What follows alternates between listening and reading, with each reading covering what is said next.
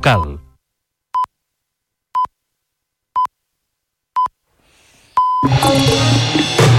Notícies en xarxa, edició matí. Amb Taís Trujillo. Bon dia. El PP revalida la majoria absoluta a Galícia per cinquena vegada consecutiva. Alfonso Rueda tornarà a governar la Junta després de consolidar l'hegemonia del partit amb una campanya marcada pels atacs a Catalunya i l'independentisme en qüestions com l'amnistia. La candidata del BNG, Ana Pontón, no ha assolit un creixement prou ampli per liderar una alternativa d'esquerres, mentre el Partit Socialista de Galícia ha tret els pitjors resultats de la seva història. Així encapçalem el Notícies en xarxa d'aquest dilluns, 19 de febrer, i al punt de les 7 del matí repassem també altres titulars. Junts per Catalunya i PSOE acorden demanar una pròrroga de 15 dies més a la mesa per si no arriben a un acord sobre l'amnistia abans de dimecres, quan la Comissió de Justícia ha d'emetre un nou dictamen. Els de Carles Puigdemont van tombar una primera instància parlamentària en considerar que la llei no protegia prou les persones investigades per terrorisme i alta traïció. El ple del Parlament aborda aquesta setmana el debat general sobre el canvi climàtic i les mesures urgents per afrontar la sequera. Aquesta manca de pluges i l'augment de les temperatures són les principals causes de l'assecament de les fonts de la regió mediterrània, segons un estudi del Centre de Recerca Ecològica i Aplicacions Forestals. L'Ajuntament de Badalona es reuneix avui amb els veïns dels 420 habitatges propers al bloc esfondrat del carrer del Canigó del barri del Raval. En aquesta trobada, l'alcalde Xavier García Albiol es traslladarà la petició que ha fet el consistori a la Generalitat per tal que s'incrementin les inspeccions i s'obrin línies de subvencions directes per tal de pagar les obres. En esports, el Barça és el campió de la Copa Intercontinental d'hoquei patins. Ha superat el Porto per 3 a 6 en la pròrroga de la final disputada aquesta matinada a l'Argentina. Les dianes de Marc Grau, Barroso i Bargalló han sentenciat el títol mundial. Per contra, el Palau va perdre els penals la final femenina davant el Telecable. I per contra, en bàsquet, l'equip blaugrana no va poder aixecar el títol de Copa, va caure davant el Real Madrid per 96 a 85 a la final. El duel es va mantenir ajustat fins que els blancs van decantar la balança en el darrer quart. Després del partit, Roger Grimau va carregar contra l'arbitratge. I en cultura, l'Animac, la Mostra Internacional de Cinema d'Animació de Catalunya, ha tancat la seva 28a edició amb la xifra rècord de 30.000 espectadors. Durant quatre dies, el certamen, centrat en guanyar la diversitat, ha projectat un total de 179 films i ha organitzat diferents tallers i exposicions. Repassats els titulars, ara obrim àrea de serveis. En primer lloc volem saber com se circula aquesta hora a les 7 del matí per la xarxa viària catalana. Per tant, connectem amb el RAC i amb l'Àlex Huguet. Bon dia. Molt bon dia. El dilluns comença ja complicat a la ronda litoral de Barcelona per una avaria entre el Fòrum i la Diagonal Mar en sentit Llobregat i acumulant molta congestió des del Bon Pastor durant 4 quilòmetres perquè s'ha tallat un carril i una altra avaria també afecta ara un punt important com la P7 a l'enllaç amb la B23 al Papiol en sentit sud, acumulant 5 quilòmetres de cua ja des de Sant Cugat, però amb el carril reobert. Destaquem també que s'està retirant un vehicle per una incidència a la C25 al tram de Sallent cap a Cervera sense provocar cues i a l'àrea metropolitana comencen també les retencions habituals a la C58 arribant al nus de la Trinitat de Barcelona o a la Ronda de Dalt amb tot el tram ja des de Santa Coloma fins més enllà del nus de la Trinitat. És tot des del RAC. Bon dia. I atenció als usuaris de Rodalies perquè no hi ha servei de trens a hores d'ara entre les estacions de Parets del Vallès i les Franqueses de la línia R3 a causa d'un robatori de cable de la catenària. Segons que ha informat DIF, s'ha establert un pla alternatiu per carretera entre totes dues estacions. I ara tanquem portada amb, amb la previsió del temps de cara a aquest dilluns. Ho fem amb el Lluís Miquel Pérez. Molt bon dia. Bon dia. De moment ha d'imperar la tranquil·litat aquest dilluns a casa nostra. Sí que aquest matí encara quedaran núvols, que de fet al llarg de la nit passada han deixat quatre gotes despistades, sobretot a l'extrem nord de Catalunya. Aquests núvols que els tindrem al llarg d'aquest matí, sobretot enganxats a la costa barcelonina i també cap a l'interior tarragoní. Una mica de vent que anirà bufant cap a l'Empordà i també a l'interior de l'Ebre i una temperatura que a hores d'ara doncs, ha baixat menys que matinades enrere, no fa gaire fred. I de fet aquesta tarda tornarem tornarem a parlar d'un ambient molt i molt suau. Una altra vegada hi haurà moltes poblacions al voltant dels 20 graus de màxima o fins i tot una mica més aquesta tarda amb cel força destapat i amb una mica de tramuntana que s'anirà fent fins i tot més intensa al voltant de l'Empordà. Ho seguirem a la xarxa. Notícies en xarxa, edició matí.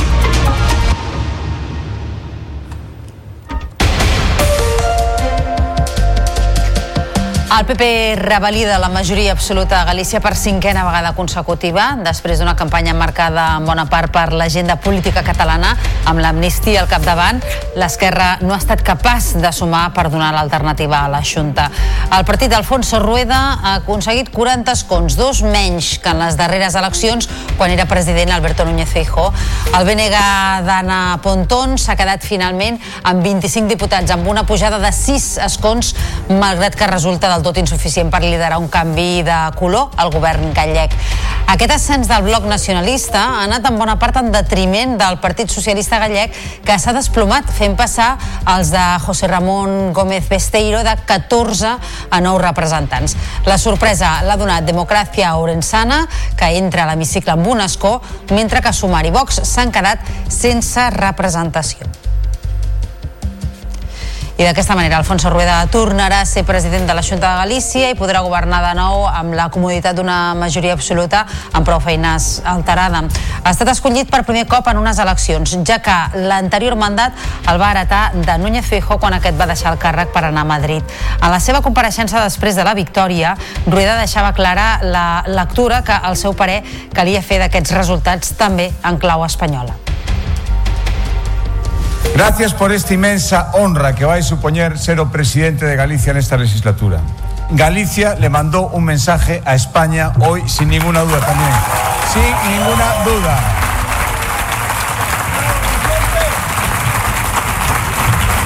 El mensaje el mensaje es que aquí no queremos chantajes, ni hacerlos ni estar sometidos. Queremos igualdad al final entre todos los ciudadanos. Queremos entendimientos. La participació històrica en aquestes eleccions de més del 67% no ha estat suficient per les aspiracions del BNG d'encapçalar un govern d'esquerres. La candidata Ana Pontón reconeixia que el partit no ha complert les expectatives generades, però considera que han aconseguit donar senyals d'alerta a l'hegemonia tradicional del PP. Decir que este resultado a nos parece nos insuficiente. Digo porque o noso obxectivo era claramente abrir un tempo novo neste país pero tamén quero decirlles que esta campaña e este resultado electoral indícannos que este país xa cambiou, que hai un antes e un despois e que non hai marcha atrás porque hai unha cidadanía, unha cidadanía ilusionada que non se conforma coa realidade deste momento. El gran derrotat de la nit ha estat, sens dubte, el socialista José Ramón Gómez Besteiro. El partit ha tret el pitjor resultat de la història a Galícia. Malgrat tot, ha reiterat que agafarà l'acte al Parlament i que seguirà lluitant per forjar el canvi. Non obtivemos os resultados que agradábamos e debo decirlo así, sin paliativos. O noso principal cometido foi facer entender a importancia destes comicios para o futuro de Galicia e a necesidade dun cambio e non o conseguimos. Non o conseguimos polo de agora porque a ciudadanía galega situounos na oposición un cop celebrades les eleccions gallegues, els partits reprendran ara intensament la negociació per aprovar la llei d'amnistia al Congrés. De fet, finalment, Junts i el PSOE han acordat demanar una pròrroga de 15 dies més a la mesa per si no arriben a un acord abans de dimecres, quan la Comissió de Justícia ha d'emetre un nou dictamen. Una opció i una operació que allargaria el marge fins a principis de març. Recordem que els de Carles Puigdemont van tombar una primera instància parlamentària en considerar que la llei no no protegia prou les persones investigades per terrorisme i alta traïció. El president de la Generalitat, Pere Aragonès, confia que aquesta setmana arribi la llum verda per a la llei d'amnistia. Aragonès es va reunir ahir amb el ministre president de Flandes, Jean Jambon, per buscar suports a l'oficialitat del català a la Unió Europea. Després de la trobada amb el polític belga, el president català va insistir que la llei d'amnistia és sòlida i robusta i va advertir que cada dia que passa sense amnistia és un dia que continua la repressió. Aragonès va posar exemple, l'exemple del judici als membres de la mesa del Parlament per l'organització de l'UO, Natàlia Garriga, Josep Maria Jové i Josep Lluís Salvador. Espero que la setmana que ve eh, ja pugui haver-hi llum verda a la llei d'amnistia. La llei d'amnistia és una llei sòlida, una llei robusta que ha d'acabar amb la repressió que amenaça i que pateixen centenars de persones a Catalunya. I el temps també és important. Aragonès també es mostrava confiat en tancar un acord per aprovar els pressupostos de la Generalitat i el primer secretari del PSC, Salvador Illa, ha afirmat que la seva formació política té la mà estesa per negociar els comptes catalans. De tota manera, ha reclamat ambició al govern de la Generalitat en polítiques d'habitatge, educació i seguretat. Hem estat sempre oberts a donar suport als pressupostos de la Generalitat. Tenem la política com un servei públic, com un exercici útil que serveixi als ciutadans i sempre hem, ens hem esforçat i ho seguirem fent, en construir una alternativa però amb mà estesa, no? Ens estem dins d'aquest marc d'enfoc, dins d'aquest enfocament que fem nosaltres, estem eh, en converses, és veritat, pels pressupostos del, del 2024 i un, el que volem és una Catalunya de 10, no? I ahir diumenge la Rambla de Barcelona va acollir un homenatge improvisat al líder de l'oposició russa, Alexei Navalny, que va morir divendres a la presó mentre complia una pena de 30 anys per extremisme i frau. Al principi del passeig, als peus de l'icònic fanal modernista que hi ha tocat a la plaça de Catalunya, va ser l'espai escollit per escenificar l'últim adeu a Navalny. Un grup de persones van dipositar rams de flors blanques i vermelles, desenes d'espelmes i diversos retrats de Navalny amb retalls de premsa i missatges contra el president rus Vladimir Putin.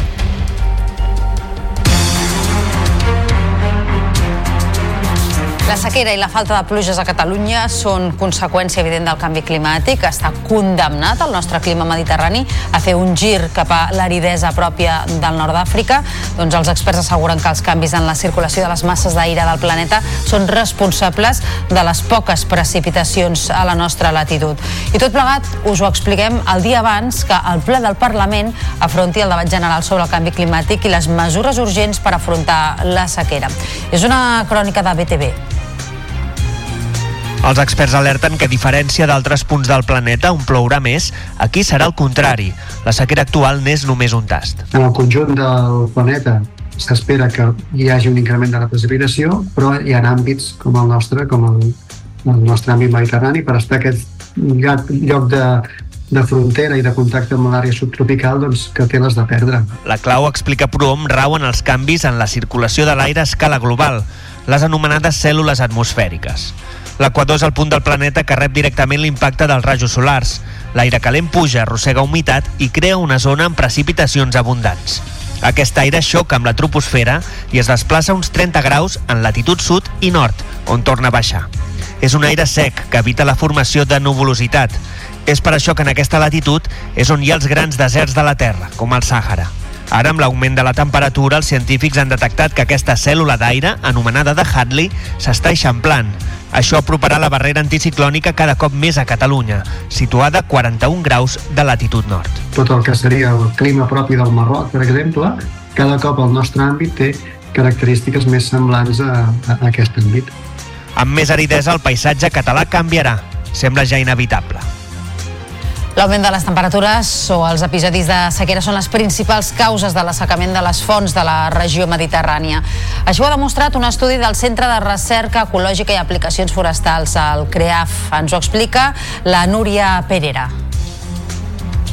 Les onades de calor continuades i els episodis de sequera afegit a la contaminació de l'aigua són algunes de les causes de l'assecament de les fonts del Mediterrani, que segons un estudi del CREA veurien reduït més del 90% el seu cabal entre el 2013 i el 2023. El 2013 vam analitzar 60 fonts i el 2023 vam agafar un, una selecció d'aquestes, vam agafar més o menys la meitat, 31, i, i vam tornar a veure quan, quan de cabal tenien i el que vam trobar és que més d'un 45% de les fonts s'havien assecat eh, el que suposava una reducció del cabal de més del 90%. Fernández apunta que les fonts són petits oasis humits que faciliten que hi hagi un alt nombre d'espècies endèmiques. En aquest sentit, si les fonts s'assequen, amb elles desapareix la vida que acullen. L'ambient que es crea al voltant de la font eh, depèn totalment de la quantitat d'aigua o de, de, de l'existència d'aigua de forma permanent.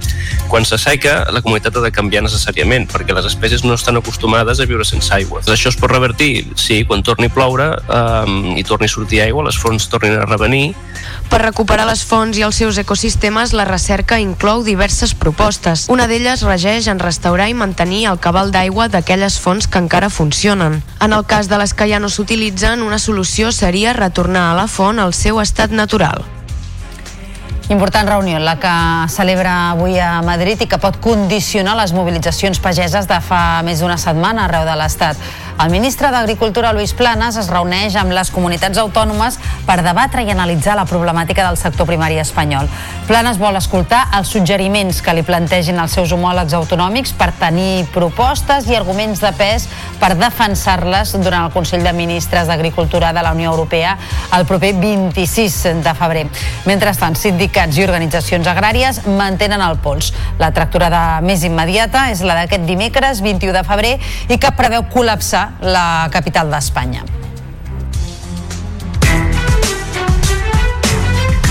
És ara un quart de vuit del matí. Avui es constitueix la Comissió Política per al Traspàs Integral de Rodalies. La presidirà la consellera de Territori, Esther Capella, i el ministre de Transports i Mobilitat Sostenible, Òscar Puente. La Constitució es farà avui a la seu del Departament de Territori. La comissió farà el seguiment polític i governamental del desplegament de l'acord. Un cop constituïda, es formaran els grups de treball que desenvoluparan els diversos aspectes relacionats amb aquest traspàs.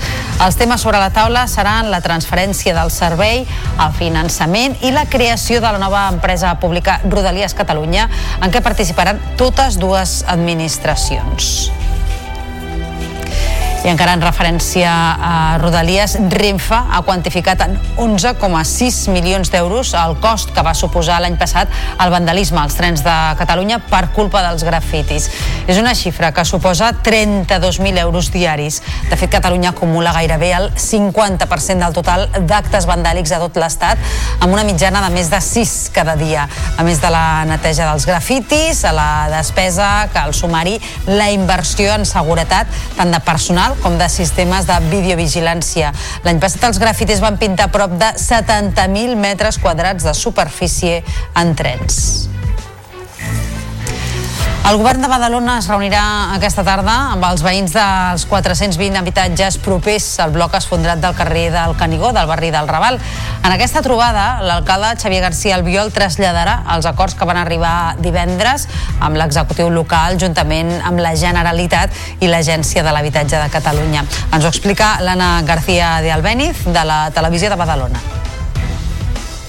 De moment, els veïns de l'edifici número 7 han contractat un arquitecte privat que, juntament amb l'arquitecte municipal, ha fet una primera inspecció de l'estat de l'estructura. Serà ell qui determini les obres que cal realitzar a l'immoble per certificar-ne la seguretat, una despesa que hauran d'assumir els veïns mateixos. Des del govern local, però, s'insisteix en la possibilitat que la Generalitat creï una línia d'ajudes pels veïns. Recordem que el regidor també va assegurar que, malgrat la necessitat d'un pla de barris o una línia de subvencions, els fets que van tenir lloc al carrer del Canigó no poden traslladar-se a la resta resta de la ciutat, en tant que s'han localitzat causes particulars en aquest punt de Badalona. L'Ajuntament de Palamós ha aturat les obres que s'estan fent a la cala de la Fosca d'aquest municipi per construir-hi una urbanització perquè s'han accedit i han talat més pins dels autoritzats. Al gener el consistori ja els va obrir un expedient pel mateix motiu i ara els multarà. Les organitzacions ecologistes adverteixen des de fa temps sobre els danys que provocaria la nova construcció. Ens ho expliquen des de la televisió Costa Brava. A banda de la multa, la propietat no podrà continuar les obres fins que no presenti un projecte explicant on ubicarà els arbres que s'han de replantar. Tot i aquesta mesura, SOS Costa Brava i Salvem la Pineda d'Angori qualifiquen els danys com a irreparables. Tot i això, només un jutge pot aturar les obres, el, el que està clar és que, tot i el contenciós interposat per SOS Costa Brava, doncs els tràmits eh, segueixen el seu curs i només doncs, si el jutge decretés una, una aturada, doncs eh, podria aturar doncs, el fet d'autorgar llicències que els propietaris doncs, tenen dret a, a demanar-les i per tant, en aquest sentit. Sí que és veritat que concretament en aquesta parcel·la doncs, els propietaris s'han accedit. Aquest mes de gener, l'Ajuntament ja va obrir un expedient als responsables per la tala de sis arbres que s'havien de mantenir. Des de SOS Costa Brava també recorden que a Palamós, concretament a la zona de la Pineda d'Angori, està previst un tercer edifici a tocar del mar. L'entitat, però, encara no pot presentar cap recurs perquè no s'ha otorgat cap llicència de construcció. Un operatiu conjunt entre Mossos i la Policia Nacional ha acabat amb la detenció de nou persones que revenien material robat valorat en més de 4 milions d'euros. Els detinguts estan acusats de delictes de receptació i pertinença a grup criminal dedicat a revendre material robat a Barcelona procedent tant de delinqüents comuns com de grups especialitzats. Els acusats van passar a disposició judicial el dia 9 de febrer i la investigació continua oberta i no es descarten encara noves detencions.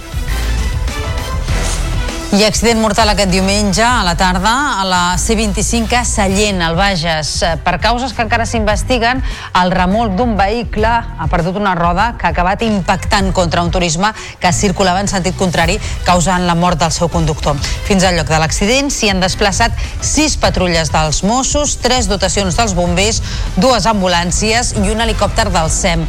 Amb aquestes ja són 17 les persones que han mort aquest any en accident de trànsit a la xarxa viària catalana.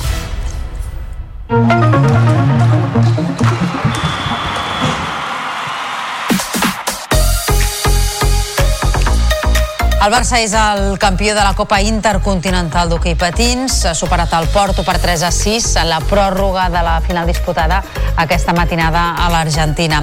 Els blaugranes s'han avançat amb 3 gols, però l'equip portuguès ha fet l'empat i ha forçat el temps extra. Les dianes de Marc Grau, Barroso i Bargalló han sentenciat el títol mundial, que és el sisè en la història de la secció. Per contra, el Palau va perdre la final femenina davant el Telecable Gijón als penals. I en bàsquet, l'equip blaugrana no va poder aixecar el títol de Copa, va caure a la final davant el Real Madrid per 96 a 85. El duel es va mantenir ajustat fins al darrer quart, però la superioritat interior dels blancs, la solidesa en defensa i el rebot van ser decisius i van decantar la balança per a l'equip madridista. Dels cinc clàssics que s'han disputat aquesta temporada, quatre han acabat amb derrota dels de Grimau. Després del partit, el tècnic va carregar contra l'arbitratge. Però vols que et digui, en 3 minuts no pots expulsar un jugador. I segur que mires la falta, o sigui, miraràs, miraràs el vídeo, miraran el vídeo i veuran, sí, aquí li toca aquí, aquí li toca allà, però és que el criteri no sé si és el mateix. Coses, com que et pitin, li pitin una tècnica al Billy després d'haver hagut d'escoltar com que esto no és la NBA, xaval, i a sobre li piten amb ell la tècnica, hòstia, segur que no han perdut pels àrbitres, per suposat que no, per suposat que no, però no sé, a la Lliga Femenina de Bàsquet, derrota de l'Espart Girona contra un rival directe a la zona alta de la taula, el Casademont Saragossa, per 50-60. L'Uni va començar el partit molt encertat en defensa i això li va permetre deixar el Saragossa amb només 10 punts al descans per 22 a 10. A la segona part, però, les aragoneses van reaccionar i liderades per la calellenca Mariona Ortiz, autora de 17 punts, i van aconseguir capgirar el marcador en els últims dos parcials. Laura Penya analitzava els motius de la desfeta. A nivell scouting tenim unes coses parlades que, que no hem acabat de, d'encetar de, no? al final, sobretot al final del partit.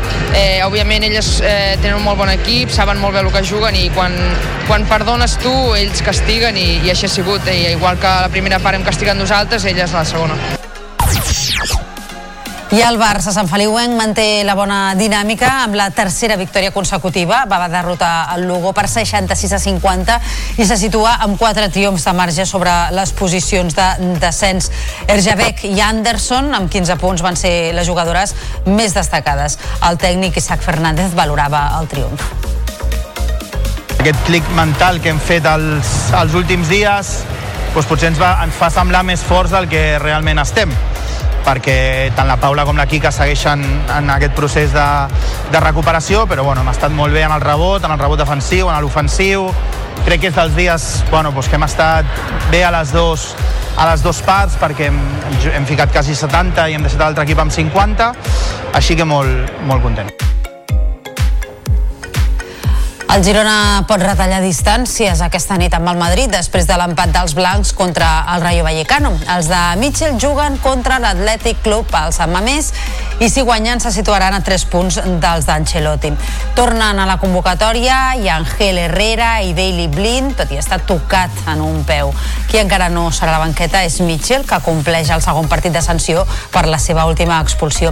El tècnic gironí ha volgut treure pressió als seus jugadors espero la nostra millor versió. Eh, no, no, no hi ha pressió per, eh, per ser un partit eh, d'un rival directe, perquè tenim 14 partits eh, a 1 eh, encara i, i penso que, que nosaltres tenim una molt bona posició per anar a Europa, però hem de continuar eh, guanyant partits i eh, el, la pressió d'estar de, a dalt és una molt bona pressió per nosaltres. A la Lliga F, el Barça va recuperar sensacions després de l'empat contra el Llevant amb un triomf davant l'Atlètic de Madrid per 2 a 0. Les de Jonathan Giraldez es van avançar amb un gol de Salma Paralluelo, aprofitant l'assistència d'Esme Brooks. A la represa, un potent xut d'Ona Batlle, refusat per la portera Lola Gallardo, va acabar al fons de la porteria amb una rematada de Vicky López.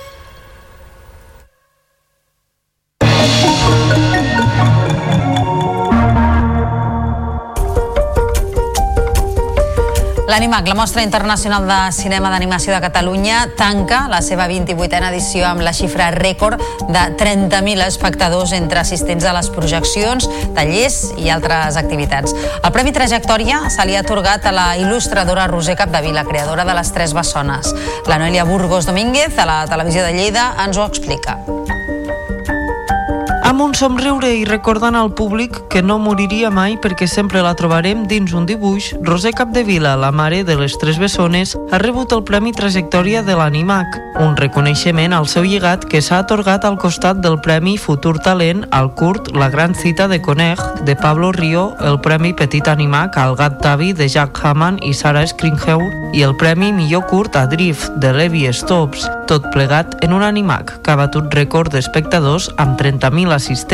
Que hem tingut ha sigut el reflexe d'aquest moment espectacular que està vivint l'animació catalana, l'animació espanyola, també, però també de la qualitat internacional eh, i, i de la potència creativa i d'aquest fer servir l'animació com una, una eina d'expressió artística, que és el que defensem a l'animac avui i sempre. Durant quatre dies el certamen ha projectat un total de 179 films per a tots els públics. Cal recordar que l'Animac continuarà present a la plataforma Filmin fins al 3 de març.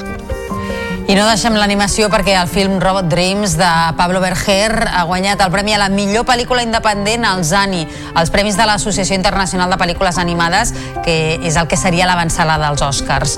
Des de que es va estrenar al Festival de Cannes, aquesta història d'amistat entre un cos i un robot no deixa de cultivar èxits. Ja es va imposar com a millor film animat als Premis Europeus de Cinema el desembre passat, a més dels Goya i els Gaudí.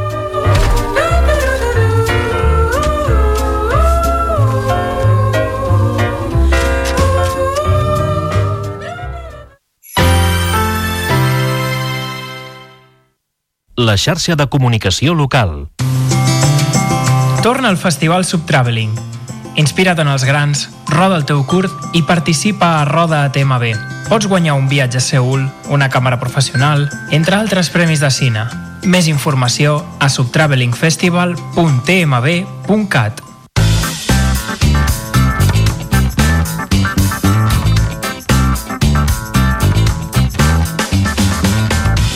¿Sabías que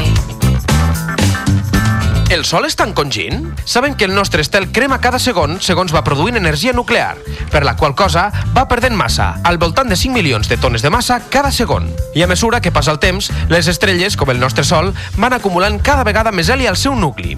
Aquesta quantitat creixent de cendra de fusió fa que el nucli s'escalfi i que aquest expandeixi el seu volum. No obstant això, si la taxa de pèrdua de massa és continuada a causa de la fusió i els vents solars, no hauria de ser el contrari.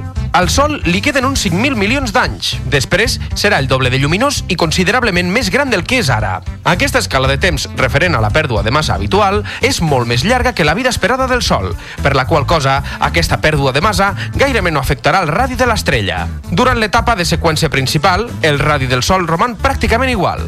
Això és perquè l'estrella està en equilibri entre la pressió de la radiació i l'atracció gravitatòria.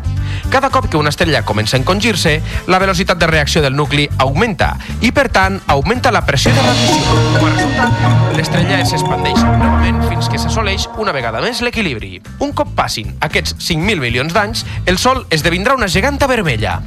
En aquest cas, el nucli de l'estrella sí que s'encongirà, però les capes exteriors s'expandiran fins a l'òrbita de Mart, engolint tot el que estigui al voltant del procés, inclòs el nostre planeta si és que encara continua viu.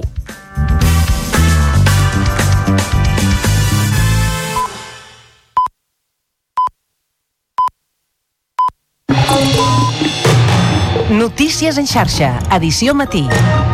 Amb Taís Trujillo.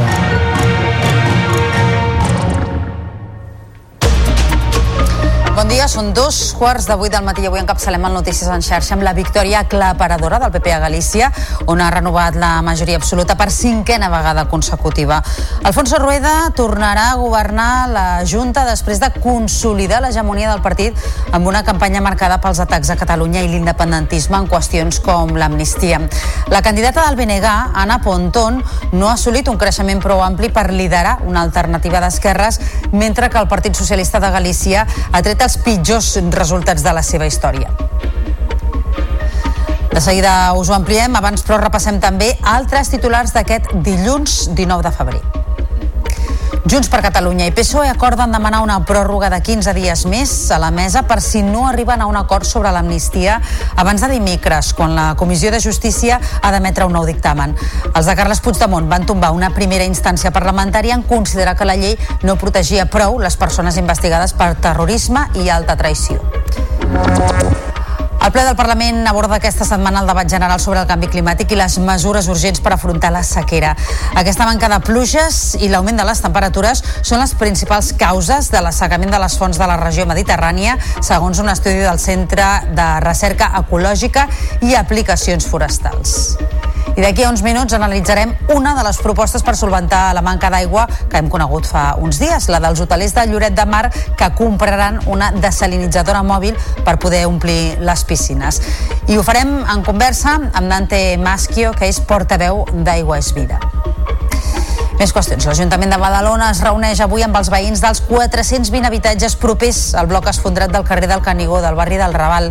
En aquesta trobada, l'alcalde Xavier García Albiol els traslladarà la petició que ha fet el consistori a la Generalitat per tal que s'incrementin les inspeccions i s'obrin línies de subvencions directes per pagar les obres. En esports, el Barça és el campió de la Copa Intercontinental d'hoquei patins. Ha superat el Porto per 3 a 6 en la pròrroga de la final disputada aquesta matinada a l'Argentina. Les dianes de Marc Grau, Barroso i Bargalló han sentenciat el títol mundial. En canvi, el Palau va perdre els penals la final femenina davant el Telecable. I en bàsquet, l'equip blaugrana s'ha quedat sense el títol de Copa. Va caure davant el Real Madrid per 96 a 85 a la final. El duel es va mantenir ajustat fins que els blancs van decantar la balança en el darrer quart. Després del partit, Roger Grimau va carregar contra l'arbitratge. En cultura, l'Animac, la mostra internacional de cinema d'animació de Catalunya, ha tancat la seva 28a edició amb la xifra rècord de 30.000 espectadors. Durant quatre dies, el certamen centrat en guanyar la diversitat ha projectat un total de 179 films i ha organitzat diferents tallers i exposicions. Repassats els titulars, ara obrim plana de serveis amb el trànsit. Segons el RAC, hi ha un carril tallat per un accident a la 2 entre Abrera i Esparreguera, amb 3 quilòmetres de congestió en sentit Barcelona i s'ha complicat un altre punt important de l'hora punta, com és la C58 a Montcada i Reixac, en direcció a Barcelona, per un altre accident. Hi ha cues a l'AP7 entre Sant Cugat i el Papiol, en sentit sud, i als punts habituals de l'àrea metropolitana. A les rondes, molta lentitud als trams habituals en sentit sentit Llobregat. I atenció als usuaris de Rodalies perquè no hi ha servei de trens a hores d'ara entre les estacions de Parets del Vallès i les franqueses de la línia R3 a causa d'un robatori de cable de la catenària. Segons informa DIF, s'ha establert un pla alternatiu per carretera entre les dues estacions. També està tallada en aquests moments la circulació de trens entre el Prat i l'aeroport. I ara la previsió del temps. Comencem la setmana amb núvols, però sense previsió de pluja. L'ambient serà suau i el cel s'anirà destapant a mesura que avancin les hores.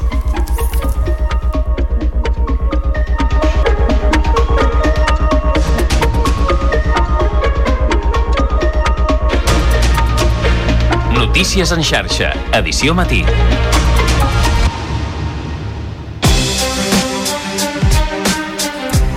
El PP revalida la majoria absoluta a Galícia per cinquena vegada consecutiva, després d'una campanya marcada en bona part per l'agenda política catalana, amb l'amnistia al capdavant, l'esquerra no ha estat capaç de sumar per donar l'alternativa a la Junta. El partit d'Alfonso Rueda ha aconseguit 40 escons, dos menys que en les darreres eleccions, quan era president Alberto Núñez Feijóo. El BNG Antana Pontón s'ha quedat finalment amb 25 diputats, amb una pujada de 6 escons, malgrat que resulta del tot insuficient per liderar un canvi de color al govern gallec. Aquest ascens del bloc nacionalista ha anat en bona part en detriment del Partit Socialista Gallec, que s'ha desplomat fent passar els de José Ramón Gómez Basteiro de 14 a 9 representants. La sorpresa l'ha donat Democràcia Orensana, que entra a l'hemicicle amb un escó, mentre que Sumar i Vox s'han quedat sense representació. I d'aquesta manera, Alfonso Rueda tornarà a ser president de la Junta de Galícia i podrà governar de nou amb la comoditat d'una majoria absoluta amb prou feines alterada. Ha estat escollit per primer cop en unes eleccions, ja que l'anterior mandat el va heretar de Núñez Feijóo quan aquest va deixar el càrrec per anar a Madrid. En la seva compareixença, després de la victòria, Rueda deixava clara la lectura que el seu parer calia fer d'aquests resultats també en clau espanyola. Gracias por esta inmensa honra que va a suponer ser el presidente de Galicia en esta legislatura. Galicia le mandó un mensaje a España hoy sin ninguna duda también. Sin ninguna duda.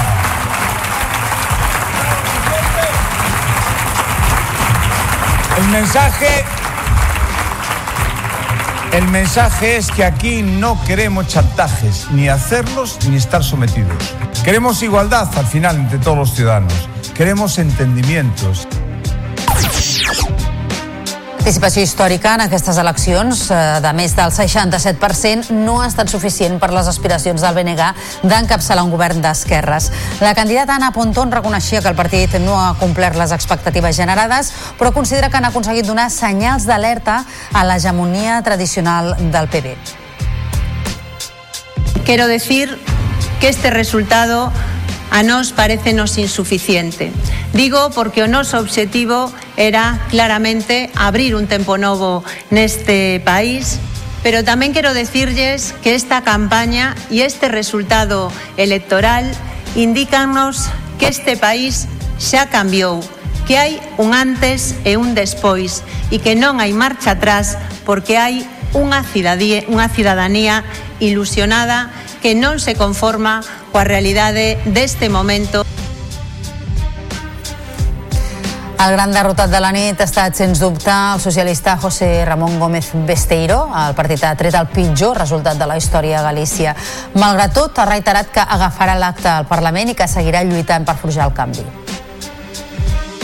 Non obtivemos os resultados que agradábamos e debo decirlo así sin paliativos.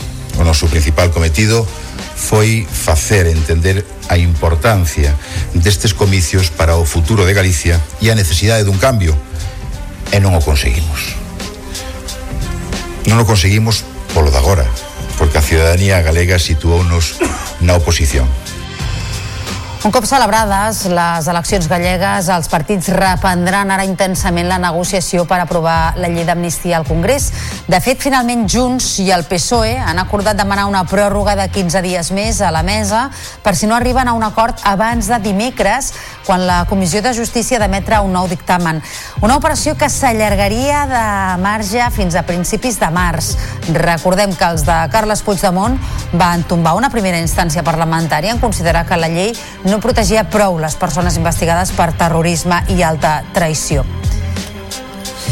I el president de la Generalitat, Pere Aragonès, confia que aquesta setmana arribi la llum verda per a la llei d'amnistia. Aragonès es va reunir ahir amb el ministre president de Flandes, Jean Jambon, per buscar suports a l'oficialitat del català a la Unió Europea. Després de la trobada amb el polític belga, el president català va insistir que la llei d'amnistia és sòlida i robusta i va advertir que cada dia que passa sense amnistia és un dia que la repressió continua. Espero que la setmana que ve eh, ja pugui haver-hi llum verda a la llei d'amnistia. La llei d'amnistia és una llei sòlida, una llei robusta, que ha d'acabar amb la repressió que amenaça i que pateixen centenars de persones a Catalunya. I el temps també és important. I ahir diumenge la Rambla de Barcelona va acollir un homenatge improvisat al líder de l'oposició russa, Alexei Navalny, que va morir aquest divendres a la presó mentre complia una pena de 30 anys per extremisme i frau. Al principi del passeig, als peus de l'icònic fanal modernista que hi ha tocat a la plaça de Catalunya, va ser l'espai escollit per escenificar l'últim adeu a Navalny. Un grup de persones van dipositar-hi rams de flors blanques i vermelles, desenes d'espelmes i diversos retrats de Navalny amb retalls de premsa i missatges contra el president rus Vladimir Putin.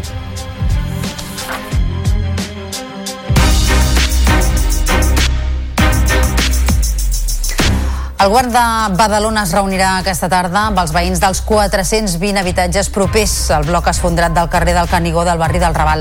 En aquesta trobada, l'alcalde Xavier García Albiol traslladarà els acords als que van arribar divendres l'executiu local, juntament amb la Generalitat i l'Agència de l'Habitatge de Catalunya. Teresa Pastor Lafuente és la secretària de l'Associació de Veïns del Raval de Badalona. Senyora Teresa, molt bon dia. Molt bon dia. Tenen clar què és el que oferirà l'alcalde als afectats en aquesta trobada d'aquesta tarda? Bueno, mm, lo que sabem és que de moment tenen el compromís de l'Ajuntament de fer una revisió a totes les 420 vivendes que comporten tot aquests pisos i que si la gent que no pugui ser acollida pels seus familiars les donarien una altra mm, forma de poder un, un habitatge o, o bé a hotels o pensions o el que sigui. Senyora Pastor, per què estem parlant d'aquestes 420 famílies o 420 pisos que podrien estar en una, en una situació que necessiti de l'anàlisi dels tècnics, però um, quantes famílies hi ha ara mateix uh, fora de casa seva, bé perquè estaven en l'edifici esfondrat o bé perquè estaven a l'edifici contigu i per prevenció se'ls ha fet sortir? Són unes 42 famílies. Mm -hmm. unes 21 que són del pis que es van forçar i unes altres 21 del, del número 7 que van fer unes esquerdes al, a l'edifici. Quines solucions eh, s'han facilitat fins ara i quines eh, ajudes o suport per part de l'Ajuntament han rebut aquestes 42 famílies? De moment el que han rebut ha sigut mm, eh, assessorament jurídic Després han tingut mm, psicòlegs, psicòlegs i per part de l'Ajuntament la promesa de que es farien la revisió de los 420 pisos per una IT i, i després que es donaria suport a totes les famílies perquè els bancs mm, les donessin crèdits fluixos i que les mirar si, la, si el que té hipoteca eh, podria deixar de pagar durant un temps. Uh -huh. um, L'alcalde de la ciutat va dir que els propietaris haurien de pagar les reformes eh, requerides, després va matisar, va eh, explicar que segurament o que mirarien d'obrir algunes línies d'ajudes, que és el que li demanen als eh, veïns dels immobles que finalment requereixin una intervenció per reforçar l'estructura. Els veïns el que reclamen és una ajuda de, de la Generalitat o l'Ajuntament perquè molts d'ells no poden pagar aquestes reformes.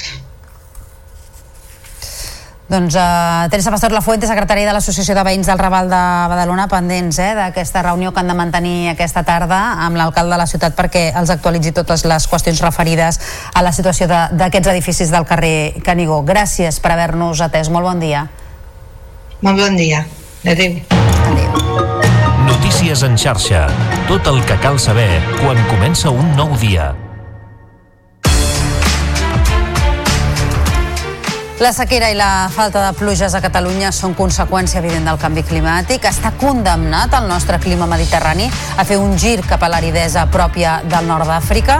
Els experts asseguren que els canvis en la circulació de les masses d'aire del planeta són responsables de les poques precipitacions a la nostra latitud. Tot plegat us ho expliquem el dia abans que el ple del Parlament afronti el debat general sobre el canvi climàtic i les mesures urgents per afrontar la sequera. És una crònica de BTV. Els experts alerten que, a diferència d'altres punts del planeta on plourà més, aquí serà el contrari. La sequera actual n'és només un tast. En el conjunt del planeta s'espera que hi hagi un increment de la precipitació, però hi ha àmbits com el nostre, com el, el nostre àmbit mediterrani, per estar aquest lloc de, de frontera i de contacte amb l'àrea subtropical doncs, que té les de perdre. La clau, explica Proom, rau en els canvis en la circulació de l'aire a escala global, les anomenades cèl·lules atmosfèriques. L'equador és el punt del planeta que rep directament l'impacte dels rajos solars. L'aire calent puja, arrossega humitat i crea una zona amb precipitacions abundants. Aquest aire xoca amb la troposfera i es desplaça uns 30 graus en latitud sud i nord, on torna a baixar. És un aire sec que evita la formació de nuvolositat. És per això que en aquesta latitud és on hi ha els grans deserts de la Terra, com el Sàhara. Ara, amb l'augment de la temperatura, els científics han detectat que aquesta cèl·lula d'aire, anomenada de Hadley, s'està eixamplant, això aproparà la barrera anticiclònica cada cop més a Catalunya, situada a 41 graus de latitud nord. Tot el que seria el clima propi del Marroc, per exemple, cada cop el nostre àmbit té característiques més semblants a, a aquest àmbit. Amb més aridesa, el paisatge català canviarà. Sembla ja inevitable. L'augment de les temperatures o els episodis de sequera són les principals causes de l'assecament de les fonts de la regió mediterrània. Això ho ha demostrat un estudi del Centre de Recerca Ecològica i Aplicacions Forestals, el CREAF, i ens ho explica la Núria Perera. Les onades de calor continuades i els episodis de sequera, afegit a la contaminació de l'aigua, són algunes de les causes de l'assecament de les fonts del Mediterrani, que segons un estudi del CREA haurien reduït més del 90% el seu cabal entre el 2013 i el 2023. El 2013 vam analitzar 60 fonts i el 2023 vam agafar un, una selecció d'aquestes, vam agafar més o menys la meitat, 31, i, i vam tornar a veure quan, quan de cabal tenien i el que vam trobar és que més d'un 45% de les fonts s'havien assecat eh, el que suposava una reducció del cabal de més del 90%. Fernández apunta que les fonts són petits oasis humits que faciliten que hi hagi un alt nombre d'espècies endèmiques. En aquest sentit, si les fonts s'assequen, amb elles desapareix la vida que acullen. L'ambient que es crea al voltant de la font eh, depèn totalment de la quantitat d'aigua o de, de, de l'existència d'aigua de forma permanent. Quan s'asseca, la comunitat ha de canviar necessàriament, perquè les espècies no estan acostumades a viure sense aigua. Això es pot revertir si quan torni a ploure eh, i torni a sortir aigua, les fonts tornin a revenir. Per recuperar les fonts i els seus ecosistemes, la recerca inclou diverses propostes. Una d'elles regeix en restaurar i mantenir el cabal d'aigua d'aquelles fonts que encara funcionen. En el cas de les que ja no s'utilitzen, una solució seria retornar a la font al seu estat natural. I ara volem analitzar una de les propostes per solventar la manca d'aigua que hem conegut fa uns dies. La que han fet els hotelers de Lloret de Mar a la Selva per tal d'instal·lar una desalinitzadora mòbil per tractar 50.000 litres d'aigua de mar cada hora. En volem parlar d'aquesta opció i del que pot representar amb Dante Maschio, que és portaveu d'Aigua és Vida. Dante, molt bon dia. Bon dia, què tal?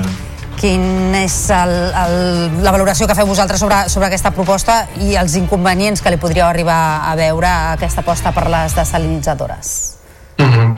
Bé, l'inconvenient és que el que volen fer és generar aigua potable amb una desalinitzadora per omplir piscines, quan el decret per sequera en estat d'emergència prohibeix omplir i reomplir piscines. No? Per tant, aquí, si aquesta proposta s'accepta, estaríem de nou relaxant el pla especial per sequera en uns mesos on sabem que no tindrem pluges i que per tant el que cal és estalviar al màxim l'aigua no? i per tant eh, nosaltres ens oposem a qualsevol nova relaxació del pla especial per sequera perquè no tenim aigua i per tant hem d'estalviar la màxima quantitat d'aigua possible.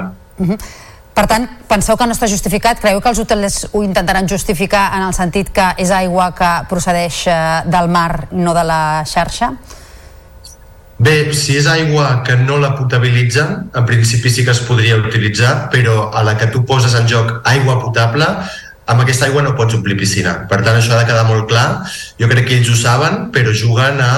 Jo inverteixo, no? jo faig un conveni amb l'ACA, inclús cediré aigua a la xarxa municipal i, per tant, eh, faran aquesta força de negociació. D'altra banda, el que hem d'entendre és que a l'estiu no tindrem aigua, no tindrem més aigua de la que tenim, eh, tota previsió camina cap aquí i per tant genera una falsa sensació de disponibilitat no? en una temporada turística eh, sabem que Catalunya té una ocupació turística molt elevada això genera una, una falsa imatge que pot ser contraproduent per les campanyes d'estalvi, no? que la pròpia Generalitat diu que hem de fer a casa i per tant aquí hem de hem de ser una miqueta més coherents amb la crisi climàtica i aquí tots hem de fer esforços. No? És a dir, el sector hoteler vol fer un esforç en invertir i contribuir eh, a tenir aigua, però és una contribució no per un estalvi, sinó per assegurar el seu negoci. No? Aquí eh, no sé, per exemple, les Aigües Vida pensem que potser la contribució que podria fer el sector turístic és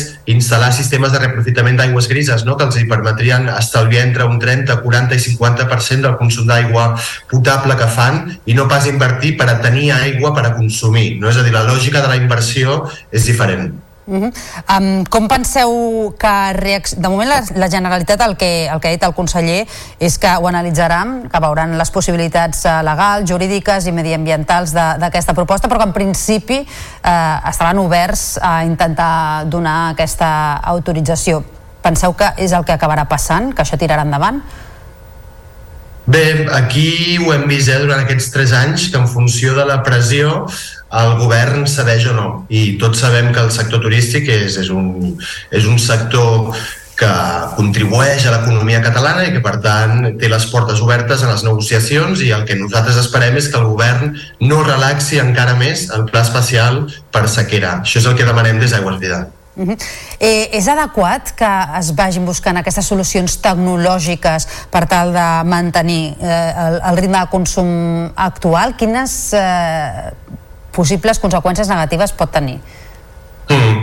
Clar, nosaltres fa molts mesos que demanem que la planificació i inversió per fer front a la sequera no només es basi en posar eh, noves fonts de producció d'aigua, no? pel que et comentava, perquè genera una falsa sensació de, disponibilitat i perquè al final són mesures per al curt termini, no? quan sabem que hem de planificar a llarg termini. Sabem que el canvi climàtic ens diu que d'aquí al 2050 tindrem un 20% menys d'aigua, per tant el que cal és reformular el model i atendre la realitat. I la realitat és que Catalunya s'ha eh, terciaritzat, no? l'economia ha pres un paper molt important, s'ha duplicat el consum del sector turístic des de les primeres planificacions hidràuliques fins a la que tenim ara, es planifica un augment del 25% d'aquí al 2049 del sector turístic i això eh, camina cap a un col·lapse del sistema hídric si no eh, abordem el problema d'arrel. No? I el problema d'arrel no és que ens falti eh, nova infraestructura per produir aigua, és que tenim uns sectors que consumeixen i demanden molta aigua i per tant cal reformular eh, cal gestionar les demandes d'aigua i no només enfocar-nos a oferir nova aigua. Dante Maschio, portaveu d'Aigües Vida, gràcies per atendre'ns al Notícies en xarxa. Molt bon dia, fins a la propera. Bon dia, gràcies a vosaltres.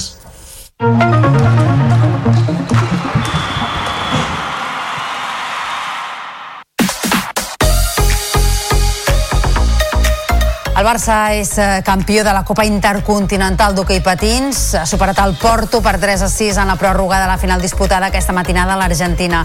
Els blaugrana s'han avançat amb 3 gols, però l'equip portuguès ha fet l'empat i ha forçat el temps extra. Les dianes de Marc Grau, Barroso i Bargalló han sentenciat el títol mundial al sisè en la història de la secció. Per contra, el Palau va perdre la final femenina davant el Telecable Gijón als penals. I en bàsquet l'equip blaugrana no va poder aixecar el títol de Copa, va caure la final davant el Real Madrid per 96 a 85. El duel es va mantenir ajustat fins al darrer quart, però la superioritat interior dels blancs, la solidesa en defensa i el rebot van ser decisius i van decantar la balança per a l'equip madridista. Dels cinc clàssics que s'han disputat aquesta temporada, quatre han acabat amb derrota dels de Grimau. Després del partit, el tècnic va carregar contra l'àrbitre. Què vols que et digui? En 3 minuts no pots expulsar un jugador. I segur que mires la falta, o sigui, miraràs miraràs el vídeo, miraran el vídeo i veuran, sí, aquí li toca aquí, aquí li toca allà, però és que el criteri no sé si és el mateix. Coses, com que et pitin, li pitin una tècnica al Billy després d'haver hagut d'escoltar com que esto no és la NBA, xaval, i a sobre li piten amb ell la tècnica. Hòstia, segur que no han perdut pels àrbitres, per suposat que no, per suposat que no, però no sé, el Girona pot retallar distàncies aquesta nit amb el Madrid després de l'empat dels blancs contra el Rayo Vallecano. Els de Mitchell juguen contra l'Atlètic Club a Sant Mamés i si guanyen se situaran a 3 punts dels d'Ancelotti. Tornen a la convocatòria Yangel Herrera i Daily Blind, tot i estar tocat en un peu. Qui encara no serà a la banqueta és Mitchell, que compleix el segon partit de sanció per la seva última expulsió. A la Lliga F el Barça va recuperar sensacions després de l'empat contra el Llevant amb un triomf davant l'Atlètic de Madrid per 2 a 0. Les de Jonathan Giraldez es van avançar amb un gol de Salma Paralluelo aprofitant l'assistència d'Esme Brooks. A la represa, un potent xut d'Ona Batlle, refusat per la portera Lola Gallardo, va acabar al fons de la porteria amb una rematada de Vicky López. I el Llevant Les Planes va perdre amb el Madrid Club de Futbol per 2 a 1. Les de Ferran Cabello van encaixar dos gols a l'inici del segon temps. Baudet, en l'afegit, va retallar diferències. Les de Sant Joan d'Espí van poder fer l'empat, ja que van disposar d'un llançament de penal que Paola va aturar. La pilota va caure als peus de Baudet un altre cop, però la rematada va marxar massa alta. L'equip català acaba la jornada de Z amb 7 punts de marge sobre el descens.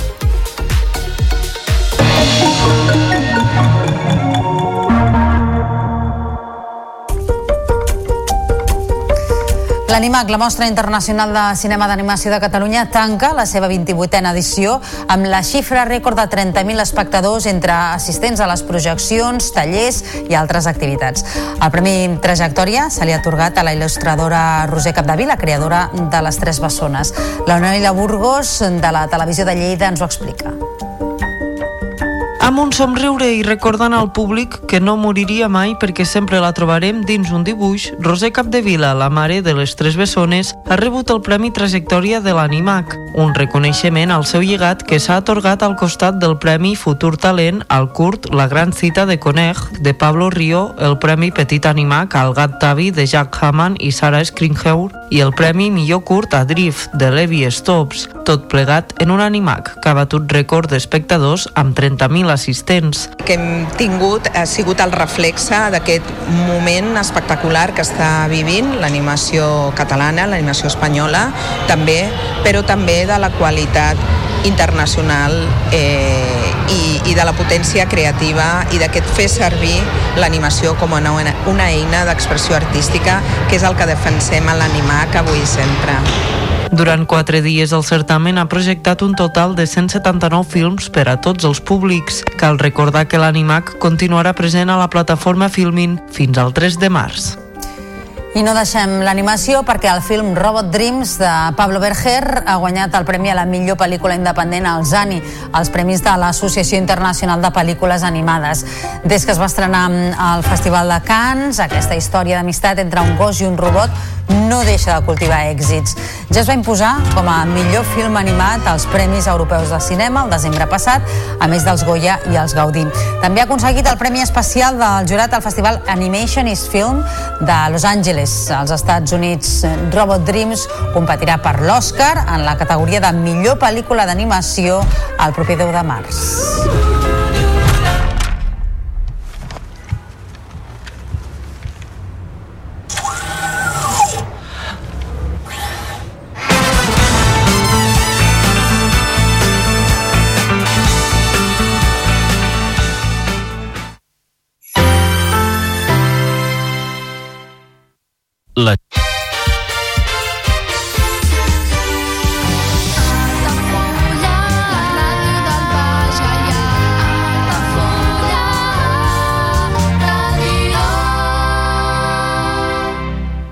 Ja coneixes les propostes que t'ofereix el Club Marítim Altafulla? Vine i descobreix totes les nostres activitats. Sortides en caiac o pa del surf, cursos de vela per a totes les edats.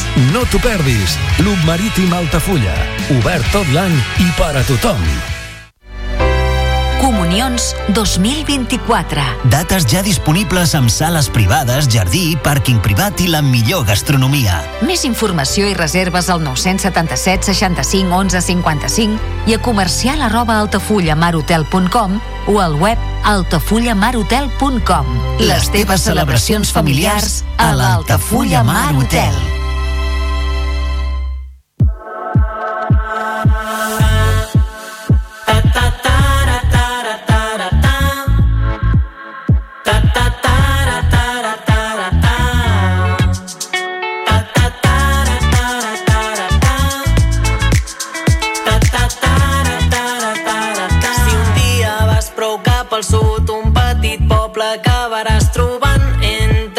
Amposta i el Canà. La ràpida abraçada al mar de ben petit el van acompanyant quan anava fent-se gran. Ben cert és que aquesta vida, com una baldufa, gira i no sempre t'imagines el camí que et fa agafar. Però si no t'hi capfiques i cada pas aprofites, un nou món descobriràs. La mola,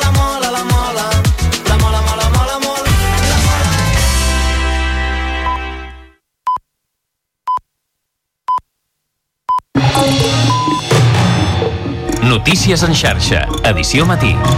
Amb Taís Trujillo. Bon dia. El PP revalida la majoria absoluta a Galícia per cinquena vegada consecutiva. Alfonso Rueda tornarà a governar la Junta després de consolidar l'hegemonia del partit amb una campanya marcada pels atacs a Catalunya i l'independentisme en qüestions com l'amnistia. La candidata del BNG, Anna Pontón, no ha assolit un creixement prou ampli per liderar una alternativa d'esquerres, mentre el Partit Socialista de Galícia ha tret els pitjors resultats de la seva història.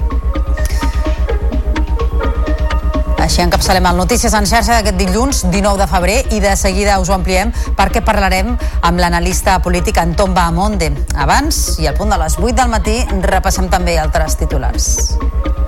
Junts per Catalunya i PSOE acorden demanar una pròrroga de 15 dies més a la mesa per si no arriben a un acord sobre l'amnistia abans de dimecres, quan la Comissió de Justícia ha d'emetre un nou dictamen. Els de Carles Puigdemont van tombar una primera instància parlamentària en considerar que la llei no protegia prou les persones investigades per terrorisme i alta traïció. El ple del Parlament aborda aquesta setmana el debat general sobre el canvi climàtic i les mesures urgents per afrontar la sequera. Aquesta manca de pluges i l'augment de les temperatures són les principals causes de l'assecament de les fonts de la regió mediterrània, segons un estudi del Centre de Recerca Ecològica i Aplicacions Forestals.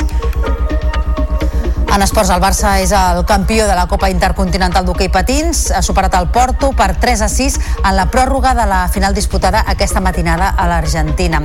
Les dianes de Marc Grau, Barroso i Bargalló han sentenciat el títol mundial. Per contra, el Palau va perdre els penals la final femenina davant el Telecable.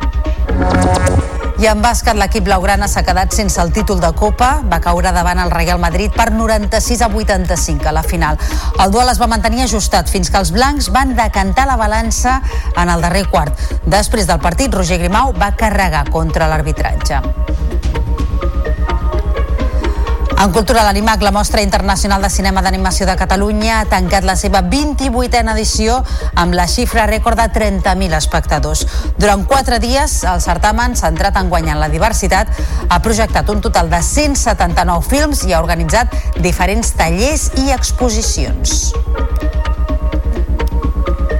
Repassats els titulars, ara obrim àrea de serveis. En primer lloc, volem saber com se circula aquesta hora a les 8 del matí per la xarxa viària catalana. Per tant, connectem amb el Servei Català de Trànsit i amb la Mireia Camats. Bon dia.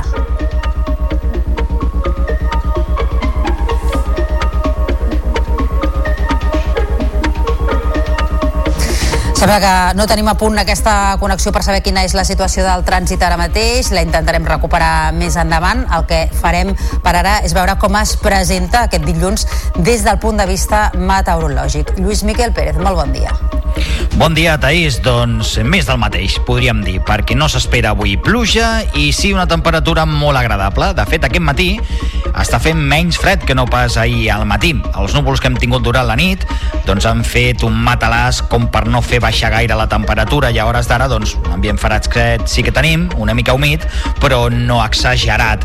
Una temperatura que volta als 7 a 10 graus en moltes poblacions. Aquests núvols que encara romanen a hores d'ara, que durant el matí els tindrem a les comarques sobretot de Barcelona, també de Tarragona, una mica més espessos a les muntanyes de Tarragona i en canvi s'aniran trencant del nord del país amb més vent cap a l'Empordà i també les Terres de l'Ebre, així com als cims del Pirineu. Aquesta tarda un cel que acabarà força més net a gran part del país, només quatre núvols prims amb pesos pel vent, núvols completament inofensius i la temperatura, Taís, doncs, que ens farà pensar doncs, eh, dos cops en fer mirar el calendari perquè no serà pròpia la temperatura d'un 19 de febrer. Us seguirem a la xarxa. Gràcies a Lluís Miquel i ara sí que estem en disposició d'escoltar quina és la situació del trànsit ara mateix a les carreteres i autopistes del país. Mireia Camats, bon dia. Hola, bon dia. Comencem destacant que l'autovia 2 hi ha retencions entre Esparreguera i Abrera en sentit Barcelona per un accident que talla un carril. També hi ha trams de retenció a la mateixa via de Pallejà a Cornellà en sentit Barcelona. A la C55 de retruc hi ha retencions d'Olesa a Abrera en sentit sud per l'accident a la 2. A la B23 hi ha trams de lentitud i aturades de Molins de Rei Esplugues en sentit Barcelona. A la C32 hi ha cua de Gavà Esplugues en sentit Barcelona. A la C31 hi ha retencions de Viladecans a l'Hospitalet de Llobregat en sentit nord per un accident. A la P7 hi ha retencions retencions de la Roca Montmeló i de Santa Perpètua de Moga de Barberà en sentit sud i més endavant retencions de Sant Cugat al Papiol en sentit sud. A més, la mateixa via ha cua de Cerdanyola a Barberà en sentit nord. A la C58 hi ha retencions de Terrassa Badia i de Montcada a Barcelona en sentit sud i de Montcada a Ripollet en sentit nord. I a la C17 hi ha retencions de Granollers a Parets en sentit sud per un accident que deixa només un carril obert per circular i cua a Parets en sentit nord. A la C60 retencions d'Argentona a la Roca en sentit Granollers i rondes de Barcelona molt carregades amb retencions en tots dos sentits, sobretot en sentit Llobregat. És tot, bon dia. Notícies en xarxa, edició matí.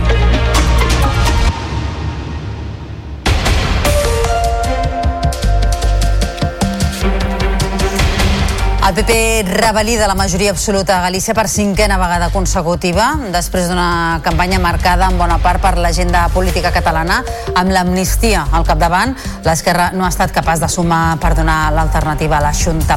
El partit d'Alfonso Rueda ha aconseguit 40 escons, dos menys que en les darreres eleccions, quan el president era Alberto Núñez Feijóo.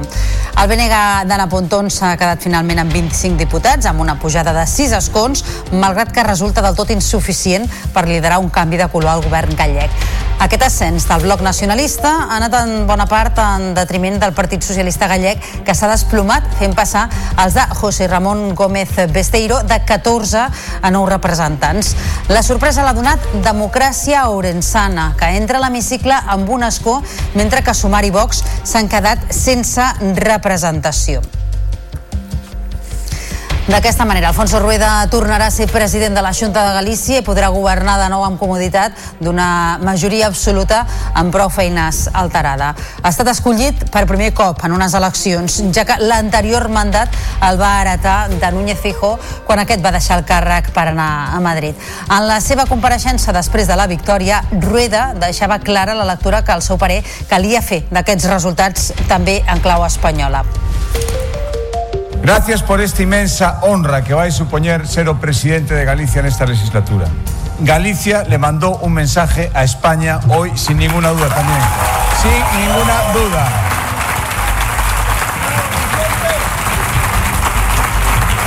El mensaje el mensaje es que aquí no queremos chantajes, ni hacerlos ni estar sometidos. Queremos igualdad al final entre todos los ciudadanos. Queremos entendimientos. La participació històrica en aquestes eleccions de més del 67% no ha estat suficient per les aspiracions del BNG d'encapçalar un govern d'esquerres. La candidata Ana Pontón reconeixia que el partit no ha complert les expectatives generades, però considera que han aconseguit donar senyals d'alerta a l'hegemonia tradicional del PP. Quiero decir que este resultado a nós parecenos insuficiente.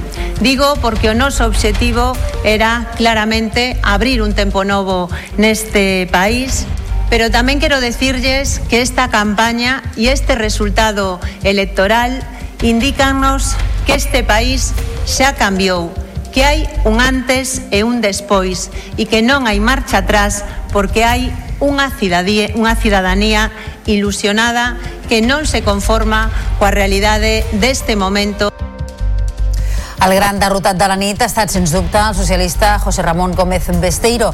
El partit ha tret el pitjor resultat de la història a Galícia.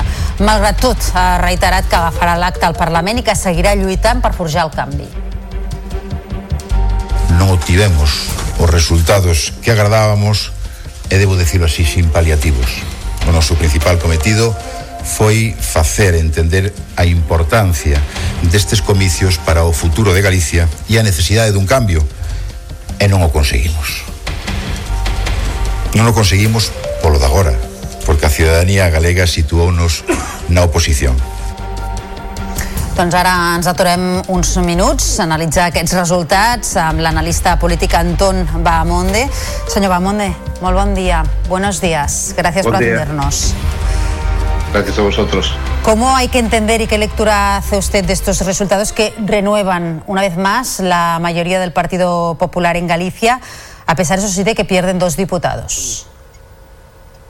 Bueno, eh, lo primero es que es decir que fueron unas elecciones muy disputadas. A pesar de la victoria electoral del Partido Popular, la verdad es que el Partido Popular estuvo en la lona durante unos momentos y temieron lo peor. Eh, yo creo que hay que entender estas elecciones como el electorado del PP eh, ha reaccionado ante el estrés, digamos, y en una situación bastante inédita de, de gran participación ha acudido en masa a votar porque ha visto el peligro. Yo creo que, digamos, este es el resumen. Eh, en otro sentido, lo que ha habido es, eh, digamos, una cierta... eh, en fin, los bloques se han comportado como, como un bloque de granito, ¿no? La derecha ha votado en masa y eh, la izquierda se ha recompuesto en su interior. Eh, los votantes del Partido Socialista han ido para el bloque y eh, yo creo que el bloque, eh, que el PSOE, perdón, ha sufrido también la campaña de desgaste, no tanto de su candidato Besteiro, como de, de- de Pedro Sánchez. ¿Era previsible que el PSOE se desplomara en estas elecciones de la manera como lo ha hecho? Bueno, eh, las encuestas previas daban una cierta retracción del voto PSOE, Eh, pero hasta este nivel eh, creo que, que no era previsible. Se pensaba que podía bajar, tal vez un diputado o dos, eh, pero, pero no, no, no, no, no, al nivel en que lo ha hecho. Y decía usted que ha sufrido el desgaste también del PSOE a nivel español. Ha podido pasar factura en estas elecciones de Galicia. Sí, sin duda, sin duda. Si uno, eh, vamos, escucha las conversaciones a pie de calle y, y el sesgo de las encuestas, ah, más que el, el candidato, Besteiro, que era un candidato, el PSOE, lo que pasa es que en Galicia está poco desaparecido en el ámbito autonómico. Eh, eh, no compite, cambia constantemente de candidato, eh, Besteiro es candidato desde hace poco tiempo, eh, entonces eh, di- digamos que se presentaron a las elecciones en las peores circunstancias. Eh, es su responsabilidad, na- nadie, nadie tiene culpa de esto. Eh, pero es verdad que Besteiro era candidato desde hace apenas unos meses. Eh, entonces, y Besteiro no es un mal candidato, pero ha quedado opacado por la campaña del bloque, por un lado, y por otro lado ha sufrido el desgaste del PSOE, sí. Eh, tal y como decía ayer después de conocer los resultados Ana Pontón, la candidata del BNG, ha habido, a pesar eh, de esta victoria y de esta mayoría absoluta del Partido Popular, ella hablaba de un cambio, de que no había marcha atrás y de que la ciudadanía estaba ilusionada con esta transici- transición que creía que habían empezado. ¿Está usted de acuerdo? Sí, por paradójico que pueda resultar, eh, estoy de acuerdo, sí.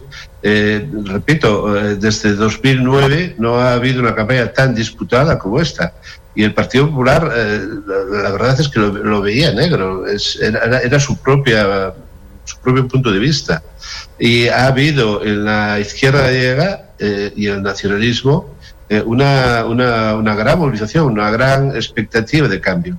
Es verdad que esa expectativa no se ha eh, visto satisfecha, pero eh, sí que creo que hay que apuntar algunos cambios. Por ejemplo, el bloque ha sido dejado de ser percibido como la izquierda del PSOE para ser un partido más bien eh, que, que, puede entrar a competir con el, con el PP. Eh, Ana Pontón es una candidata muy, es la segunda opción para el elector del PP. Y eh, bueno, hay elementos que nos hacen pensar que, que, que, esta campaña ha sido un punto de inflexión, sí, sin duda. Antonio Bamonde, analista político, muchísimas gracias. Gracias por habernos atendido esta mañana en el Noticias en Xarxa. Hasta la próxima. Gracias a vosotros. Adiós. I un cop celebrades les eleccions gallegues, els partits reprendran ara intensament la negociació per aprovar la llei d'amnistia al Congrés. De fet, finalment, Junts i PSOE han acordat demanar una pròrroga de 15 dies més a la mesa per si no arriben a un acord abans de dimecres, quan la Comissió de Justícia ha d'emetre un nou dictamen. Una operació que allargaria el marge fins a principis de març. Recordem que els de Carles Puigdemont van tombar una primera instància parlamentària en considerar que la llei no protegia prou les persones investigades per terrorisme i alta traïció. I el president de la Generalitat, Pere Aragonès, confia que aquesta setmana arribi la llum verda per a la llei d'amnistia. Aragonès es va reunir ahir amb el ministre president de Flandes, Jan Jambon, per buscar suports a l'oficialitat del català a la Unió Europea. Després de la trobada amb el polític belga, el president català va insistir que la llei d'amnistia és sòlida i robusta i va advertir que cada dia que passa sense amnistia és un dia que continua la repressió. Espero que la setmana que ve ja pugui haver-hi llum verda a la llei d'amnistia. La llei d'amnistia és una llei sòlida, una llei robusta que ha d'acabar amb la repressió que amenaça i que pateixen centenars de persones a Catalunya. I el temps també és important. És ara un quart de nou del matí. La sequera i la falta de pluges a Catalunya són conseqüència evident del canvi climàtic. Està condemnat el nostre clima mediterrani a fer un gir cap a l'aridesa pròpia del nord d'Àfrica. Els experts asseguren que els canvis en la circulació de les masses d'aire del planeta són responsables de les poques precipitacions a la nostra latitud. Tot plegat us ho expliquem el dia abans que el ple del Parlament afronti el debat general sobre el canvi climàtic i les mesures urgents per afrontar la sequera. És una crònica de BTV. Els experts alerten que, a diferència d'altres punts del planeta on plourà més, aquí serà el contrari. La sequera actual n'és només un tast. En el conjunt del planeta s'espera que hi hagi un increment de la precipitació, però hi ha àmbits com el nostre, com el, el nostre àmbit mediterrani, per estar aquest lloc de, de frontera i de contacte amb l'àrea subtropical doncs, que té les de perdre. La clau, explica Proom, rau en els canvis en la circulació de l'aire a escala global, les anomenades cèl·lules atmosfèriques. L'equador és el punt del planeta que rep directament l'impacte dels rajos solars. L'aire calent puja, arrossega humitat i crea una zona amb precipitacions abundants. Aquest aire xoca amb la troposfera i es desplaça uns 30 graus en latitud sud i nord, on torna a baixar. És un aire sec que evita la formació de nuvolositat. És per això que en aquesta latitud és on hi ha els grans deserts de la Terra, com el Sàhara. Ara, amb l'augment de la temperatura, els científics han detectat que aquesta cèl·lula d'aire, anomenada de Hadley, s'està eixamplant.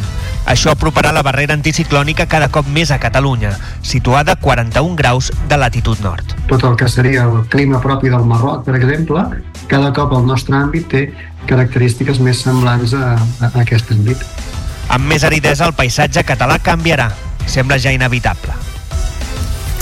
L'augment de les temperatures o els episodis de sequera són les principals causes de l'assecament de les fonts de la regió mediterrània. Això ho ha demostrat un estudi del Centre de Recerca Ecològica i Aplicacions Forestals, el CREAF. Ens ho explica la Núria Perera.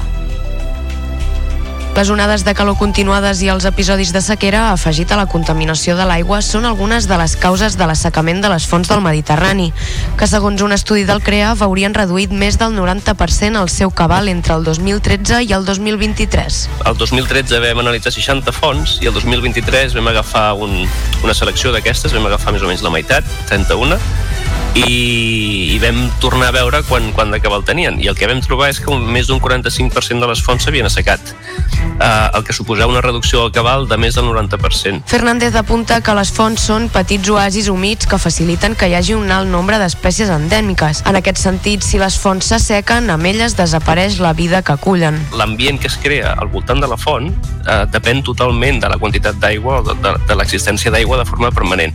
Quan s'asseca, la comunitat ha de canviar necessàriament perquè les espècies no estan acostumades a viure sense aigua. Això es pot revertir si quan torni a ploure eh, i torni a sortir aigua, les fonts tornin a revenir.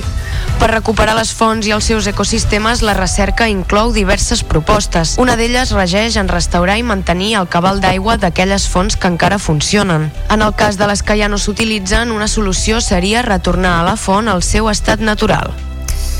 I l'entitat Aigües Vida suposa radicalment a relaxar el pla de sequera. És el que consideren que passarà si finalment l'ACA dona llum verda a la compra d'una desalinitzadora per part dels hotelers de Lloret de Mar. En declaracions en Notícies en xarxa, Dante Maschio, portaveu de l'ONG, diu que com que el sector turístic és conscient que omplir piscines amb aigua potable està prohibit en fase d'emergència, negociaran amb l'Agència Catalana de l'Aigua amb l'argument de qui paga mana però jugant a jo inverteixo, no? jo faig un conveni amb l'ACA, inclús cediré aigua a la xarxa municipal i per tant eh, faran aquesta força de negociació. D'altra banda, el que hem d'entendre és que a l'estiu no tindrem aigua, no tindrem més aigua de la que tenim, eh, tota previsió camina cap aquí i per tant genera una falsa sensació de disponibilitat Important reunió la que es celebra avui a Madrid i que pot condicionar les mobilitzacions pageses de fa més d'una setmana arreu de l'Estat.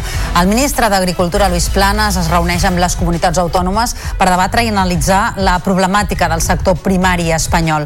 Planas vol escoltar els suggeriments que li plantegin els seus homòlegs autonòmics per tal de tenir propostes i arguments de pes per defensar-les durant el Consell de Ministres d'Agricultura de la Unió Europea el proper 26 de febrer. Mentrestant, sindicats i organitzacions agràries mantenen el pols. La tracturada més immediata és la d'aquest dimecres 21 de febrer i que preveu col·lapsar la capital d'Espanya.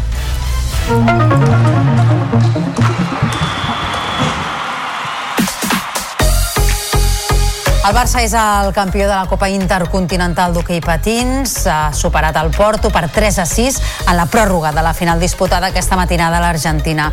Els blaugrana s'han avançat amb 3 gols, però l'equip portuguès ha fet l'empat i ha forçat el temps extra. Les dianes de Marc Grau, Barroso i Bargalló han sentenciat el títol mundial al sisè en la història de la secció. Per contra, el Palau va perdre la final femenina davant el Telecable Gijón als penals. En bàsquet, l'equip blaugrana no va poder aixecar el títol de Copa, va caure a la final davant el Real Madrid per 96 a 85.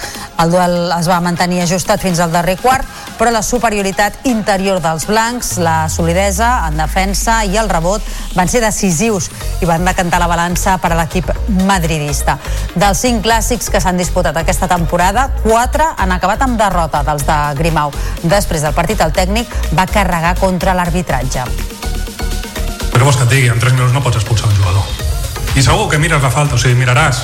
Miraràs el vídeo, miraran el vídeo i veuran, sí, aquí li toca aquí, aquí li toca allà, però és que el criteri no sé si és el mateix. Coses, com que et pitin, li pitin una tècnica al Billy després d'haver hagut d'escoltar com que esto no és la NBA, xaval, i a sobre li piten amb ell la tècnica, hòstia, segur que no em paro pels àrbitres, per suposat que no, per suposat que no, però no sé, a la Lliga Femenina de Bàsquet, derrota de l'Espar Girona contra un rival directe a la zona alta de la taula, el Casademont Saragossa, per 50-60. L'Uni va començar el partit molt encertat en defensa i això li va permetre deixar el Saragossa amb només 10 punts al descans, 22 a 10. A la segona part, però, les aragoneses van reaccionar i liderades per la calallenca Mariana Ortiz, autora de 17 punts, van capgirar el marcador en els últims dos parcials. Laura Penya analitzava els motius de la desfeta. A nivell scouting teníem unes coses parlades que, que no hem acabat de, d'encetar de, no? al final, sobretot al final del partit. Eh, òbviament elles eh, tenen un molt bon equip, saben molt bé el que juguen i quan, quan perdones tu, ells castiguen i, i així ha sigut. I igual que la primera part hem castigat nosaltres, elles la segona. I el Barça Sant Feliuenc manté la bona dinàmica amb la tercera victòria consecutiva. Va derrotar el Lugo per 66 a 50 i se situa amb quatre triomfs de marge sobre les posicions de descens. Erjabek i Anderson, amb 15 punts, van ser les jugadores més destacades. El Girona pot retallar distàncies aquesta nit amb el Madrid després de l'empat dels blancs contra el Rayo Vallecano. Els de Mitchell juguen contra l'Atlètic Club a Sant Mamés i si guanyen se situaran a 3 punts dels d'Ancelotti. Tornen a la convocatòria i Ángel Herrera i Daily Blind, tot i està tocat en un peu. Qui encara no serà a la banqueta és Mitchell, que compleix el segon partit de sanció per la seva última expulsió. El tècnic gironí ha volgut treure pressió als seus jugadors espero la nostra millor versió. Eh, no, no, no hi ha pressió per, eh, per ser un partit eh, d'un rival directe perquè tenim 14 partits eh, a 1 eh, encara i, i penso que, que nosaltres tenim una molt bona posició per anar a Europa però hem de continuar eh, guanyant partits i eh, el, la pressió d'estar de, a dalt és una molt bona pressió per nosaltres. A la Lliga F el Barça va recuperar sensacions després de l'empat contra el Llevant amb un triomf davant l'Atlètic de Madrid per 2 a 0. Les de Jonathan Giraldez es van avançar amb un gol de Salma per Alluelo aprofitant l'assistència d'Esme Brooks. A la represa un potent xut d'Ona Batlle, refusat per la portera Lola Gallardo, va acabar al fons de la porteria amb una rematada de Vicky López. I el Llevant Les Planes va perdre amb el Madrid Club de Futbol per 2 a 1. Les de Ferran Cabello van encaixar dos gols. A l'inici del segon temps, Baudet, en l'afegit, va retallar diferències. Les de Sant Joan d'Espí van poder fer l'empat, ja que van disposar d'un llançament de penal que Paola va aturar. La pilota va caure als peus de Baudet un altre cop, però la rematada va marxar massa alta. L'equip català acaba la jornada de Z amb 7 punts de marge sobre el descens.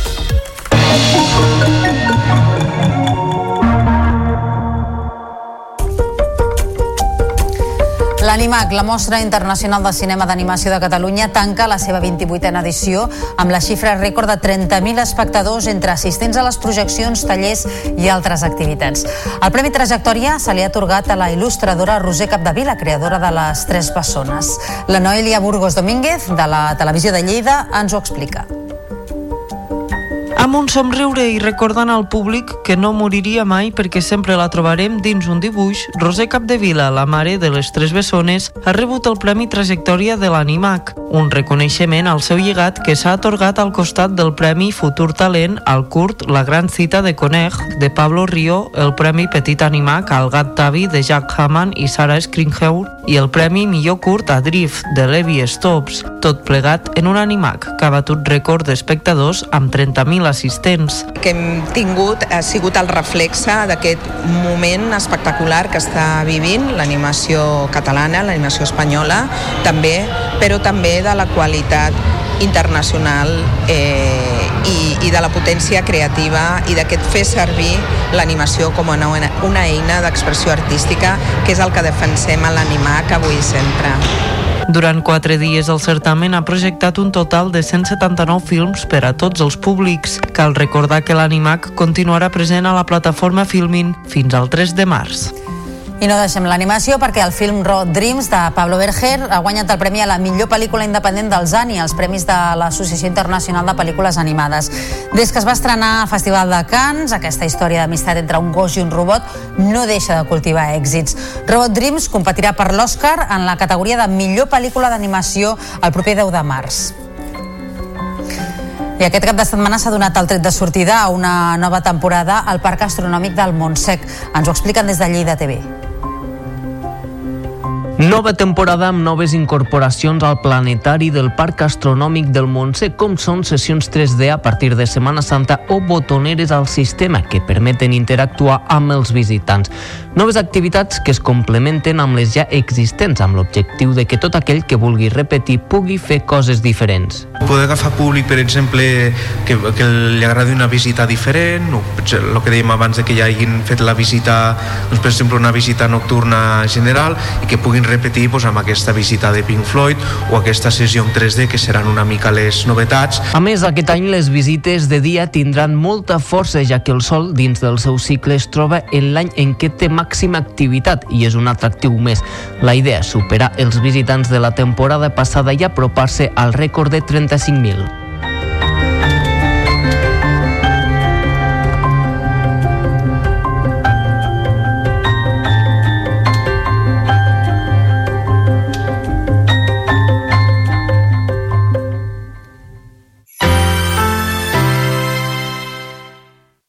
la xarxa de comunicació local. Torna al Festival Subtraveling. Inspira't en els grans, roda el teu curt i participa a Roda a TMB. Pots guanyar un viatge a Seul, una càmera professional, entre altres premis de cine. Més informació a subtravelingfestival.tmb.cat.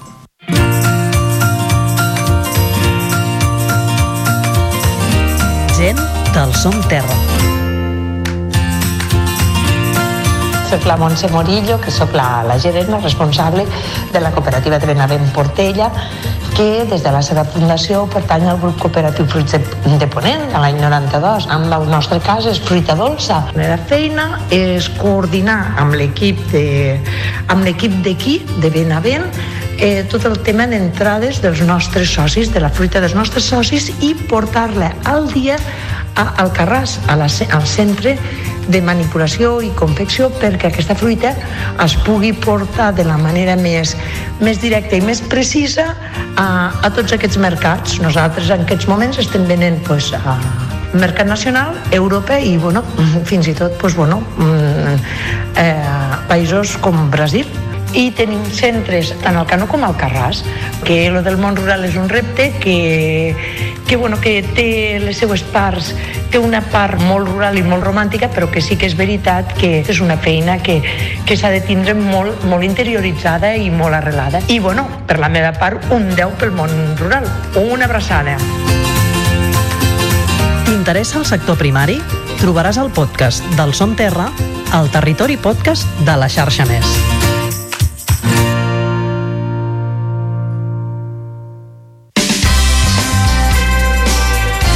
Xarxa de comunicació local.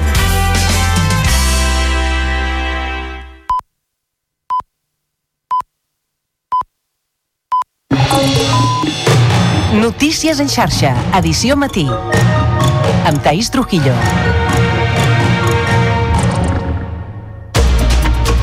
Bon dia, són dos quarts de nou del matí i avui al Notícies en xarxa us estem explicant que el PP ha revalidat la majoria absoluta a Galícia per cinquena vegada consecutiva després d'una campanya marcada pels atacs a l'independentisme en qüestions com l'amnistia. En parlarem tot seguit amb Santi Rodríguez, que és el secretari general del PP a Catalunya. Així doncs, Alfonso Rueda tornarà a governar la Junta després de consolidar l'hegemonia dels populars. La candidata del BNG, Ana Pontón, no ha assolit un creixement prou ampli per liderar una alternativa d'esquerres, mentre que el Partit Socialista de Galícia ha tret els pitjors resultats de la seva història. També us estem explicant que Junts per Catalunya i PSOE acorden demanar una pròrroga de 15 dies més a la mesa per si no arriben a un acord sobre l'amnistia abans de dimecres, quan la Comissió de Justícia ha d'emetre un nou dictamen. Els de Carles Puigdemont van tombar una primera instància parlamentària en considerar que la llei no protegia prou les persones investigades per terrorisme i alta traïció. I hem destacat que el ple del Parlament aborda aquesta setmana el debat general sobre el canvi climàtic i les mesures urgents per afrontar la sequera. Aquesta manca de pluges i l'augment de les temperatures són les principals causes de l'assecament de les fonts de la regió mediterrània, segons un estudi del Centre de Recerca Ecològica i Aplicacions eh, Forestals. En esports, el Barça és el campió de la Copa Intercontinental d'hoquei patins. Ha superat el Porto per 3 a 6 en la pròrroga de la final disputada aquesta matinada a l'Argentina. Les dianes de Marc Grau, Barroso i Bargalló han sentenciat el títol mundial. Per contra, el Palau va perdre els penals la final femenina davant el Telecable. I en bàsquet, l'equip blaugrana s'ha quedat sense el títol de Copa. Va caure davant el Real Madrid per 96 a 85 a la final. El duel es va mantenir ajustat fins que els blancs van decantar la balança. En el darrer quart, després del partit, Roger Grimau va carregar contra l'arbitratge. En cultura l'Animac, la mostra internacional de cinema d'animació de Catalunya, ha tancat la seva 28a edició amb la xifra rècord de 30.000 espectadors. Durant quatre dies, el certamen centrat en guany en la diversitat ha projectat un total de 179 films i ha organitzat diferents tallers i exposicions.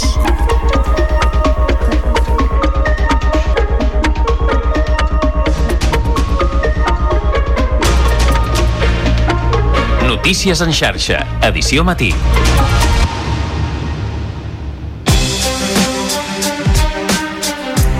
El PP revalida la majoria absoluta a Galícia per cinquena vegada consecutiva, després d'una campanya marcada en bona part per l'agenda política catalana, amb l'amnistia al capdavant, l'esquerra no ha estat capaç de sumar per donar l'alternativa a la Junta.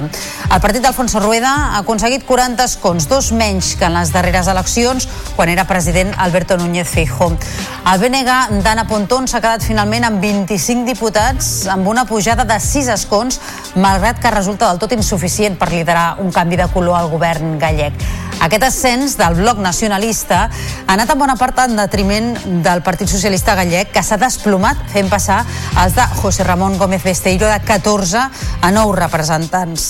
La sorpresa l'ha donat Democràcia Ourensana, que entra a l'hemicicle amb un escó, mentre que Sumar i Vox s'han quedat sense representació.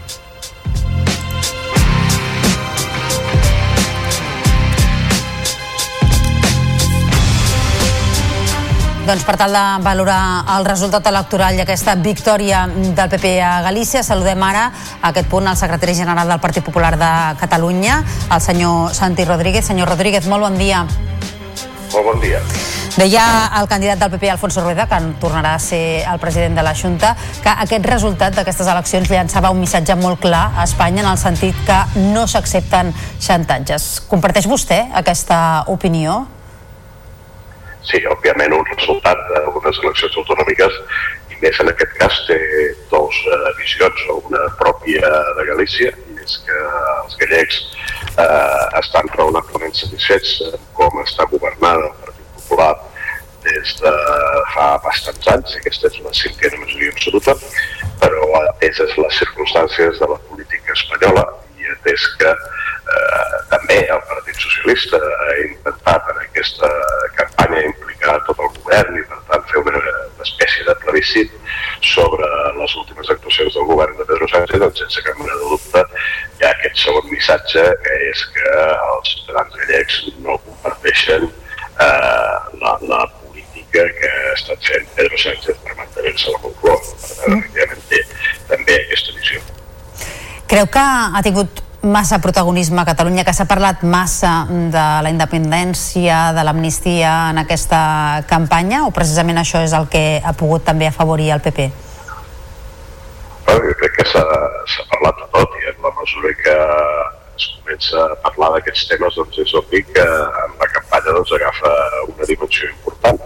Eh, jo no sé si és que se n'ha parlat massa o s'ha parlat el suficient el que era necessari parlar-ne, perquè efectivament eh, en aquestes eleccions gallegues hi havia dues opcions. Una que governés el Partit Popular, com ha vingut fent en aquests eh, anys anteriors, o l'altra que hi hagués un pacte entre el BNG i el Partit Socialista, a més a més amb el recolzament del Partit Socialista al BNG, perquè està el Partit Socialista sota mínims, avui encara una mica més, eh, i, i per tant hi havia aquesta similitud en relació al, al govern d'Espanya, o governa el PP o governa eh, doncs, el Partit Socialista amb els nacionalistes, no? i els gallecs han parlat d'una forma bastant clara i bastant nítida. Tot i aquesta majoria absoluta, ho hem anat dient, eh? el PP baixa dos diputats, mentre que el BNG en puja sis i Anna Pontón parlava d'un canvi i d'un abans i un després i de que no hi ha marxa enrere. Uh, els preocupa a PP aquest ascens del bloque? Uh, en primer lloc, en relació a la pèrdua dels diputats per part del Partit Popular. Uh, en aquestes eleccions hi ha hagut uh, una participació rècord. Uh, la, la quantitat de suports populars, de ciutadans que han votat el Partit Popular, ha sigut uh, més elevada que fins i tot a les eleccions. En quant a percentatge, és pràcticament equivalent al mateix percentatge que les darreres eleccions. Per tant, la pèrdua dels diputats eh, no és més que una qüestió de repartiment de, de restes. Per tant, no, no considerem que sigui gens rellevant. No? Eh, per una altra banda, doncs, la, la pujada del BNG jo crec que respon a la caiguda del Partit Socialista, en la mesura que doncs, el Partit Socialista deixa de ser un referent ja fa també bastants anys que el Partit Socialista ha deixat de ser un referent a la comunitat gallega, doncs qui, qui guanya és aquell que té en un determinat moment una major projecció i en aquest sentit doncs, ha sigut el BNG que ha sabut eh, recuperar aquest votant bàsicament del Partit Socialista per incrementar doncs, la, la seva força en el Parlament gallec. Santi Rodríguez, secretari general del PP de Catalunya, gràcies per aquests eh, comentaris, aquestes valoracions sobre els comicis a Galícia. Molt bon dia, fins a la propera. Gràcies a vosaltres, bon dia. Adéu. I un cop celebrades aquestes uh, eleccions gallegues, els partits reprendran ara intensament la negociació per aprovar la llei d'amnistia al Congrés. De fet, finalment, Junts i PSOE han acordat demanar una pròrroga de 15 dies més a la mesa per si no arriben a un acord abans de dimecres, quan la Comissió de Justícia ha d'emetre un nou dictamen. És una operació que s'allargaria al marge fins a principis de març. Recordem que els de Carles Puigdemont van tombar una primera instància parlamentària en considerar que la llei no protegia prou les persones investigades per terrorisme i alta traïció. I el president de la Generalitat, Pere Aragonès, confia que aquesta setmana arribi la llum verda per a la llei d'amnistia. Aragonès es va reunir ahir amb el ministre president de Flandes, Jean Jambon, per buscar suports a l'oficialitat del català a la Unió Europea. Després de la trobada amb el polític belga, el president català va insistir que la llei d'amnistia és sòlida i robusta i va advertir que cada dia que passa sense amnistia és un dia que continua la repressió. Espero que la setmana que ve eh, ja pugui haver-hi llum verda a la llei d'amnistia. La llei d'amnistia és una llei sòlida, una llei robusta que ha d'acabar amb la repressió que amenaça i que pateixen centenars de persones a Catalunya. I el temps també és important.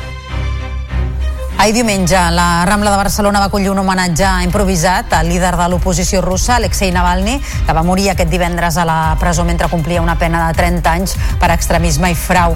Al principi del passeig, als peus de l'icònic fanal modernista que hi ha tocat a la plaça de Catalunya, va ser l'espai escollit per escenificar l'últim adeu a Navalny. Un grup de persones van dipositar rams de flors blanques i vermelles, desenes d'espelmes i diversos retrats de Navalny amb retalls de premsa i missatges contra el president rus Vladimir Putin.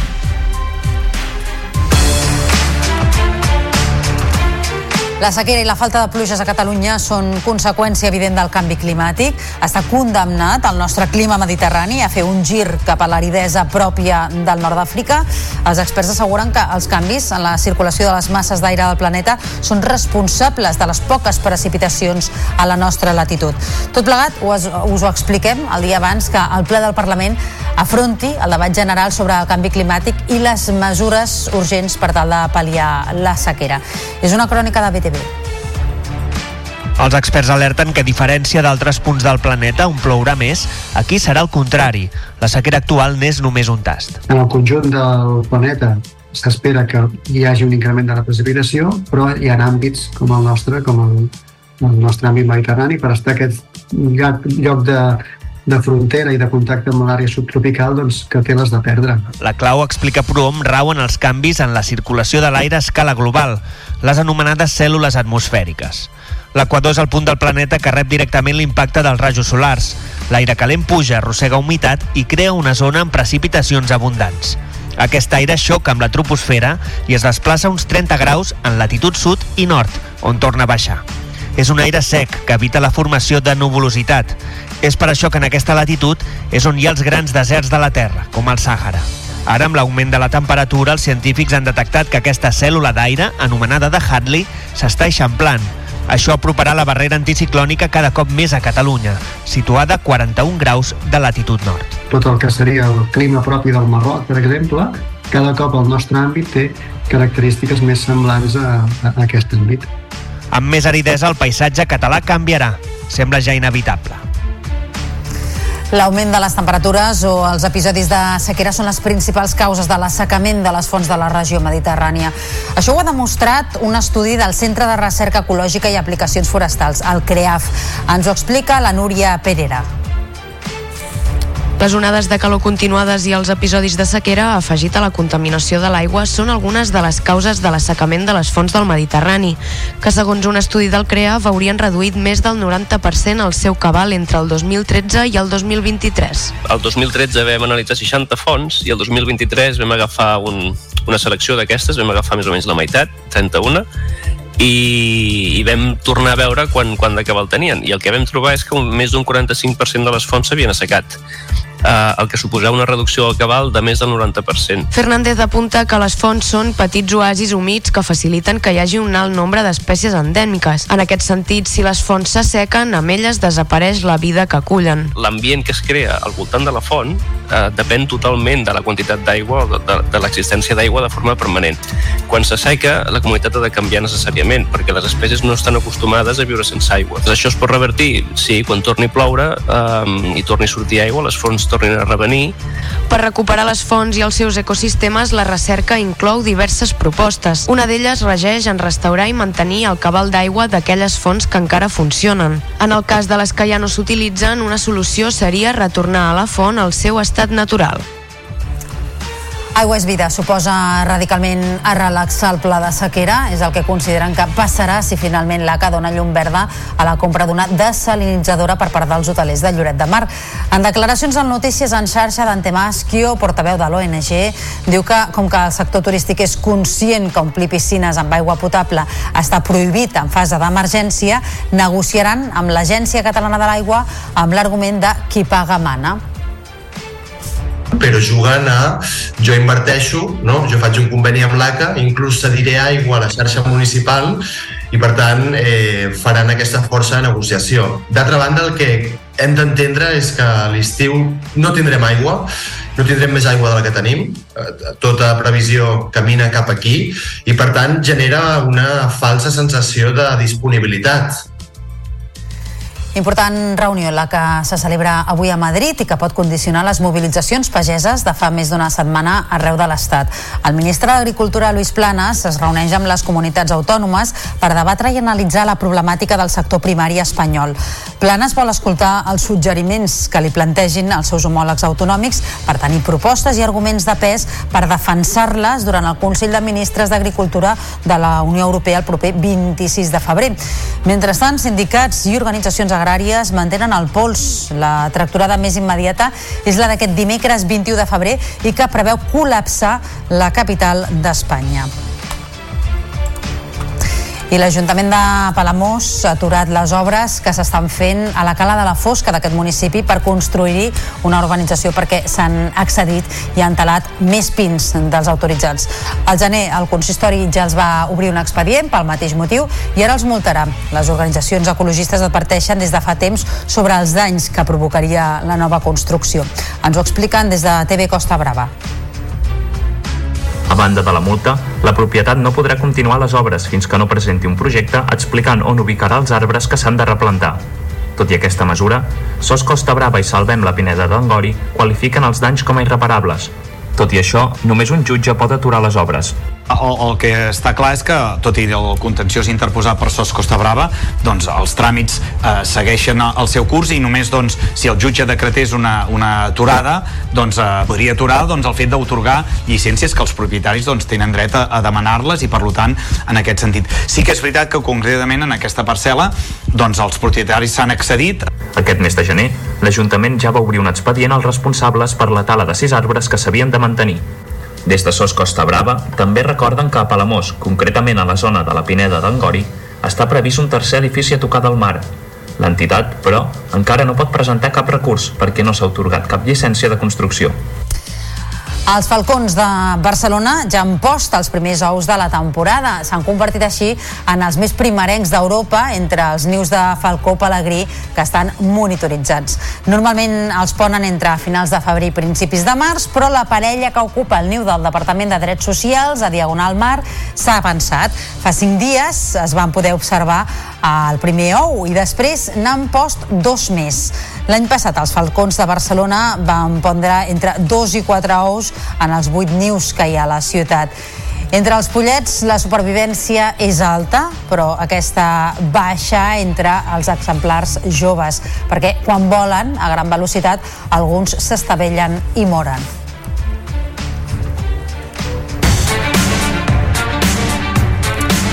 Avui es constitueix la Comissió Política per al Traspàs Integral de Rodalies. La presidirà la consellera de Territori, Esther Capella, i el ministre de Transports i Mobilitat Sostenible, Òscar Puente.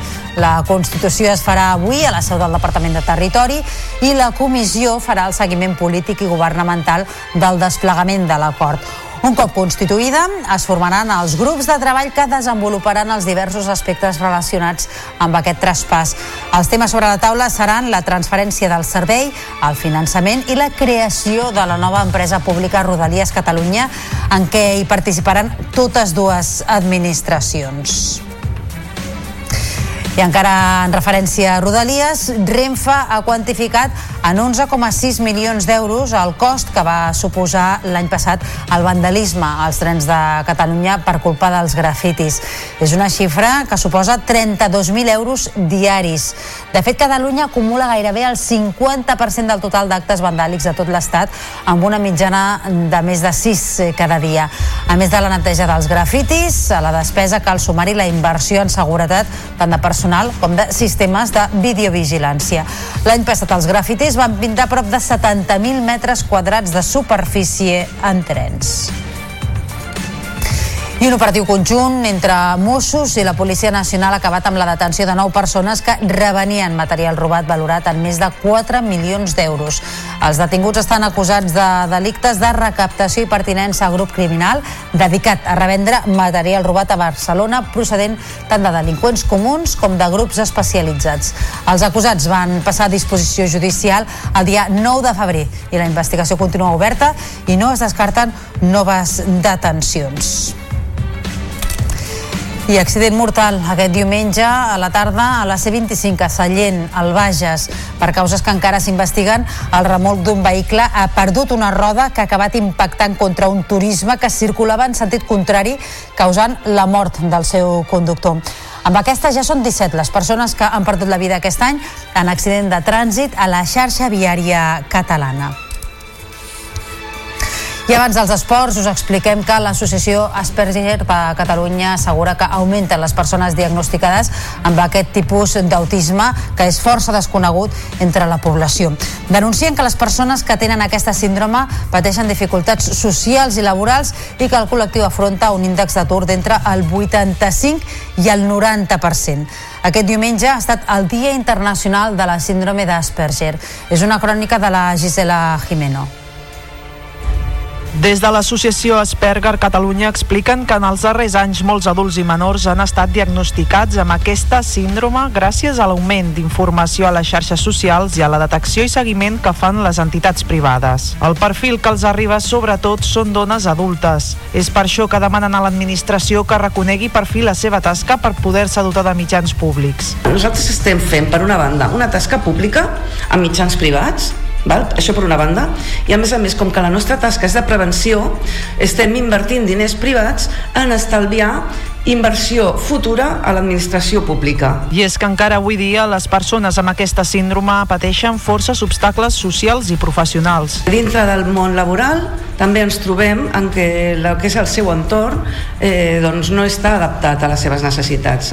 No pot obviar-se el bullying. El bullying és una, una xacra que estem patint. Per contactar amb l'associació es pot fer a través de correu electrònic o de les seves xarxes socials.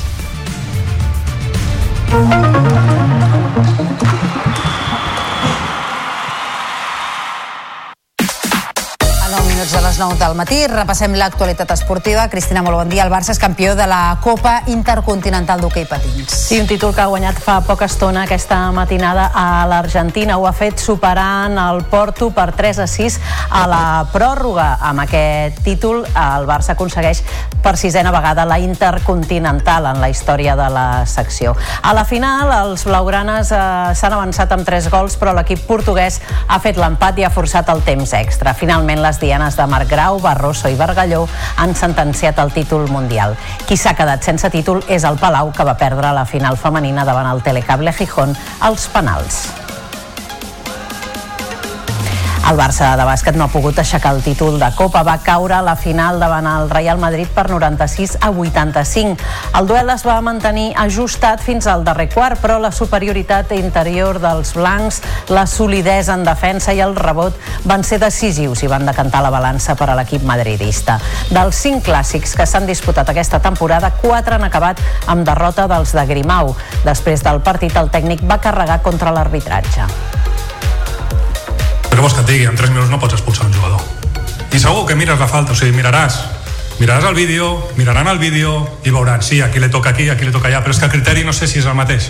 Coses, com que et pitin, li pitin una tècnica al Billy després d'haver hagut d'escoltar com que esto no és la NBA, xaval, i a sobre li piten amb ell la tècnica, hòstia, segur que no hem perdut pels àrbitres, per suposat que no, per suposat que no, però no sé, el Girona pot retallar distàncies aquesta nit amb el Real Madrid després de l'empat dels blancs contra el Rayo Vallecano. Els de Mitchell juguen contra l'Atlètic Club a Sant Mamés i si guanyen se situaran a 3 punts del líder. Tornen a la convocatòria i Angel Herrera i Daily Blind, tot i estar tocat en un peu. Qui encara no serà a la banqueta és Mitchell, que compleix el segon partit de sanció per l'última expulsió. El tècnic gironí ha volgut treure pressió als jugadors espero la nostra millor versió. Eh, no, no, no hi ha pressió per, eh, per ser un partit eh, d'un rival directe, perquè tenim 14 partits eh, a 1 eh, encara i, i penso que, que nosaltres tenim una molt bona posició per anar a Europa, però hem de continuar eh, guanyant partits i el, la pressió d'estar de, a dalt és una molt bona pressió per nosaltres. A la Lliga F el Barça recupera sensacions després de l'empat contra el Llevant i ho fa amb un triomf davant l'Atlètic de Madrid per 2 a 0.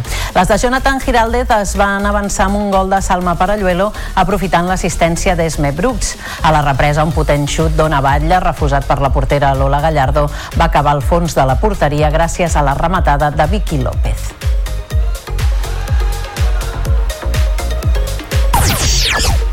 I el Llevant Les Planes va perdre amb el Madrid Club de Futbol per 2 a 1. Les de Ferran Cabello van encaixar dos gols a l'inici del segon temps. Baudet en l'afegit va retallar diferències. Les de Sant Joan d'Espí van poder fer l'empat, ja que van disposar d'un llançament de penal, però Paola va aturar. La pilota va caure als peus de Baudet un altre cop, però la rematada va marxar massa alta. L'equip català acaba la jornada de Z amb 7 punts de marge sobre el descens.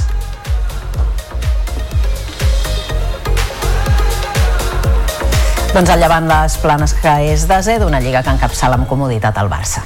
Gràcies, Cristina. Fins demà. Que vagi bé. Obrim cultura parlant-vos de l'Animac, la mostra internacional de cinema d'animació de Catalunya, que ha tancat la seva 28a edició amb la xifra rècord de 30.000 espectadors. Ens ho explica la Noelia Burgos, des de Lleida TV. Amb un somriure i recordant al públic que no moriria mai perquè sempre la trobarem dins un dibuix, Roser Capdevila, la mare de les tres bessones, ha rebut el Premi Trajectòria de l'Animac, un reconeixement al seu llegat que s'ha atorgat al costat del Premi Futur Talent al curt La gran cita de Coneg de Pablo Río, el Premi Petit Animac al Gat Tavi de Jack Hammond i Sarah Skringheur i el Premi Millor Curt a Drift de Levi Stops, tot plegat en un animac que ha batut rècord d'espectadors amb 30.000 assistents. que hem tingut ha sigut el reflexe d'aquest moment espectacular que està vivint l'animació catalana, l'animació espanyola, també, però també de la qualitat internacional eh, i, i de la potència creativa i d'aquest fer servir l'animació com una, una eina d'expressió artística que és el que defensem a l'animac avui sempre. Durant quatre dies el certamen ha projectat un total de 179 films per a tots els públics. Cal recordar que l'Animac continuarà present a la plataforma Filmin fins al 3 de març. I no deixem l'animació perquè el film Robot Dreams de Pablo Berger ha guanyat el premi a la millor pel·lícula independent als ANI, els premis de l'Associació Internacional de Pel·lícules Animades. Des que es va estrenar al Festival de Cannes, aquesta història d'amistat entre un coix i un robot no deixa de cultivar èxits. Robot Dreams competirà per l'Oscar en la categoria de millor pel·lícula d'animació el proper 10 de març. D'aquesta manera arribem avui al final de Notícies en xarxa. Fins demà.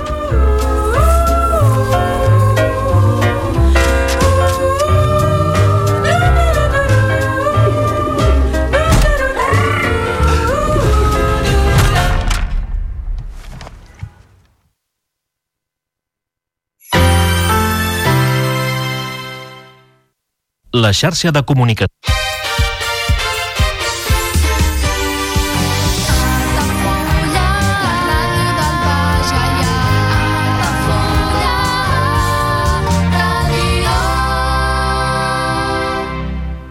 Ja coneixes les propostes que t'ofereix el Club Marítim Altafulla? Vine i descobreix totes les nostres activitats. Sortides en caiac o pa del surf, cursos de vela per a totes les edats. No t'ho perdis. Club Marítim Altafulla. Obert tot l'any i per a tothom.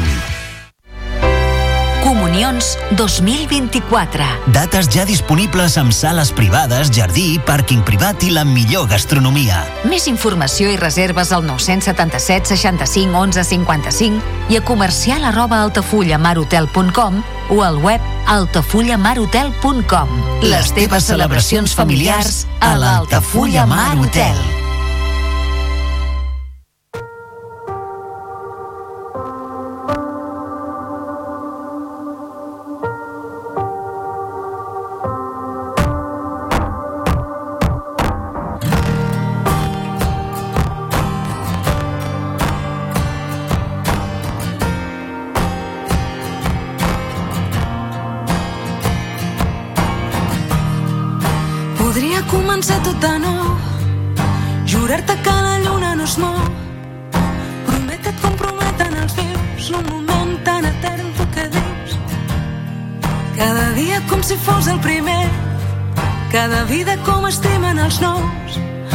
Els nervis d'un camí sense fe Sense llei, sense temps, no hi ha temps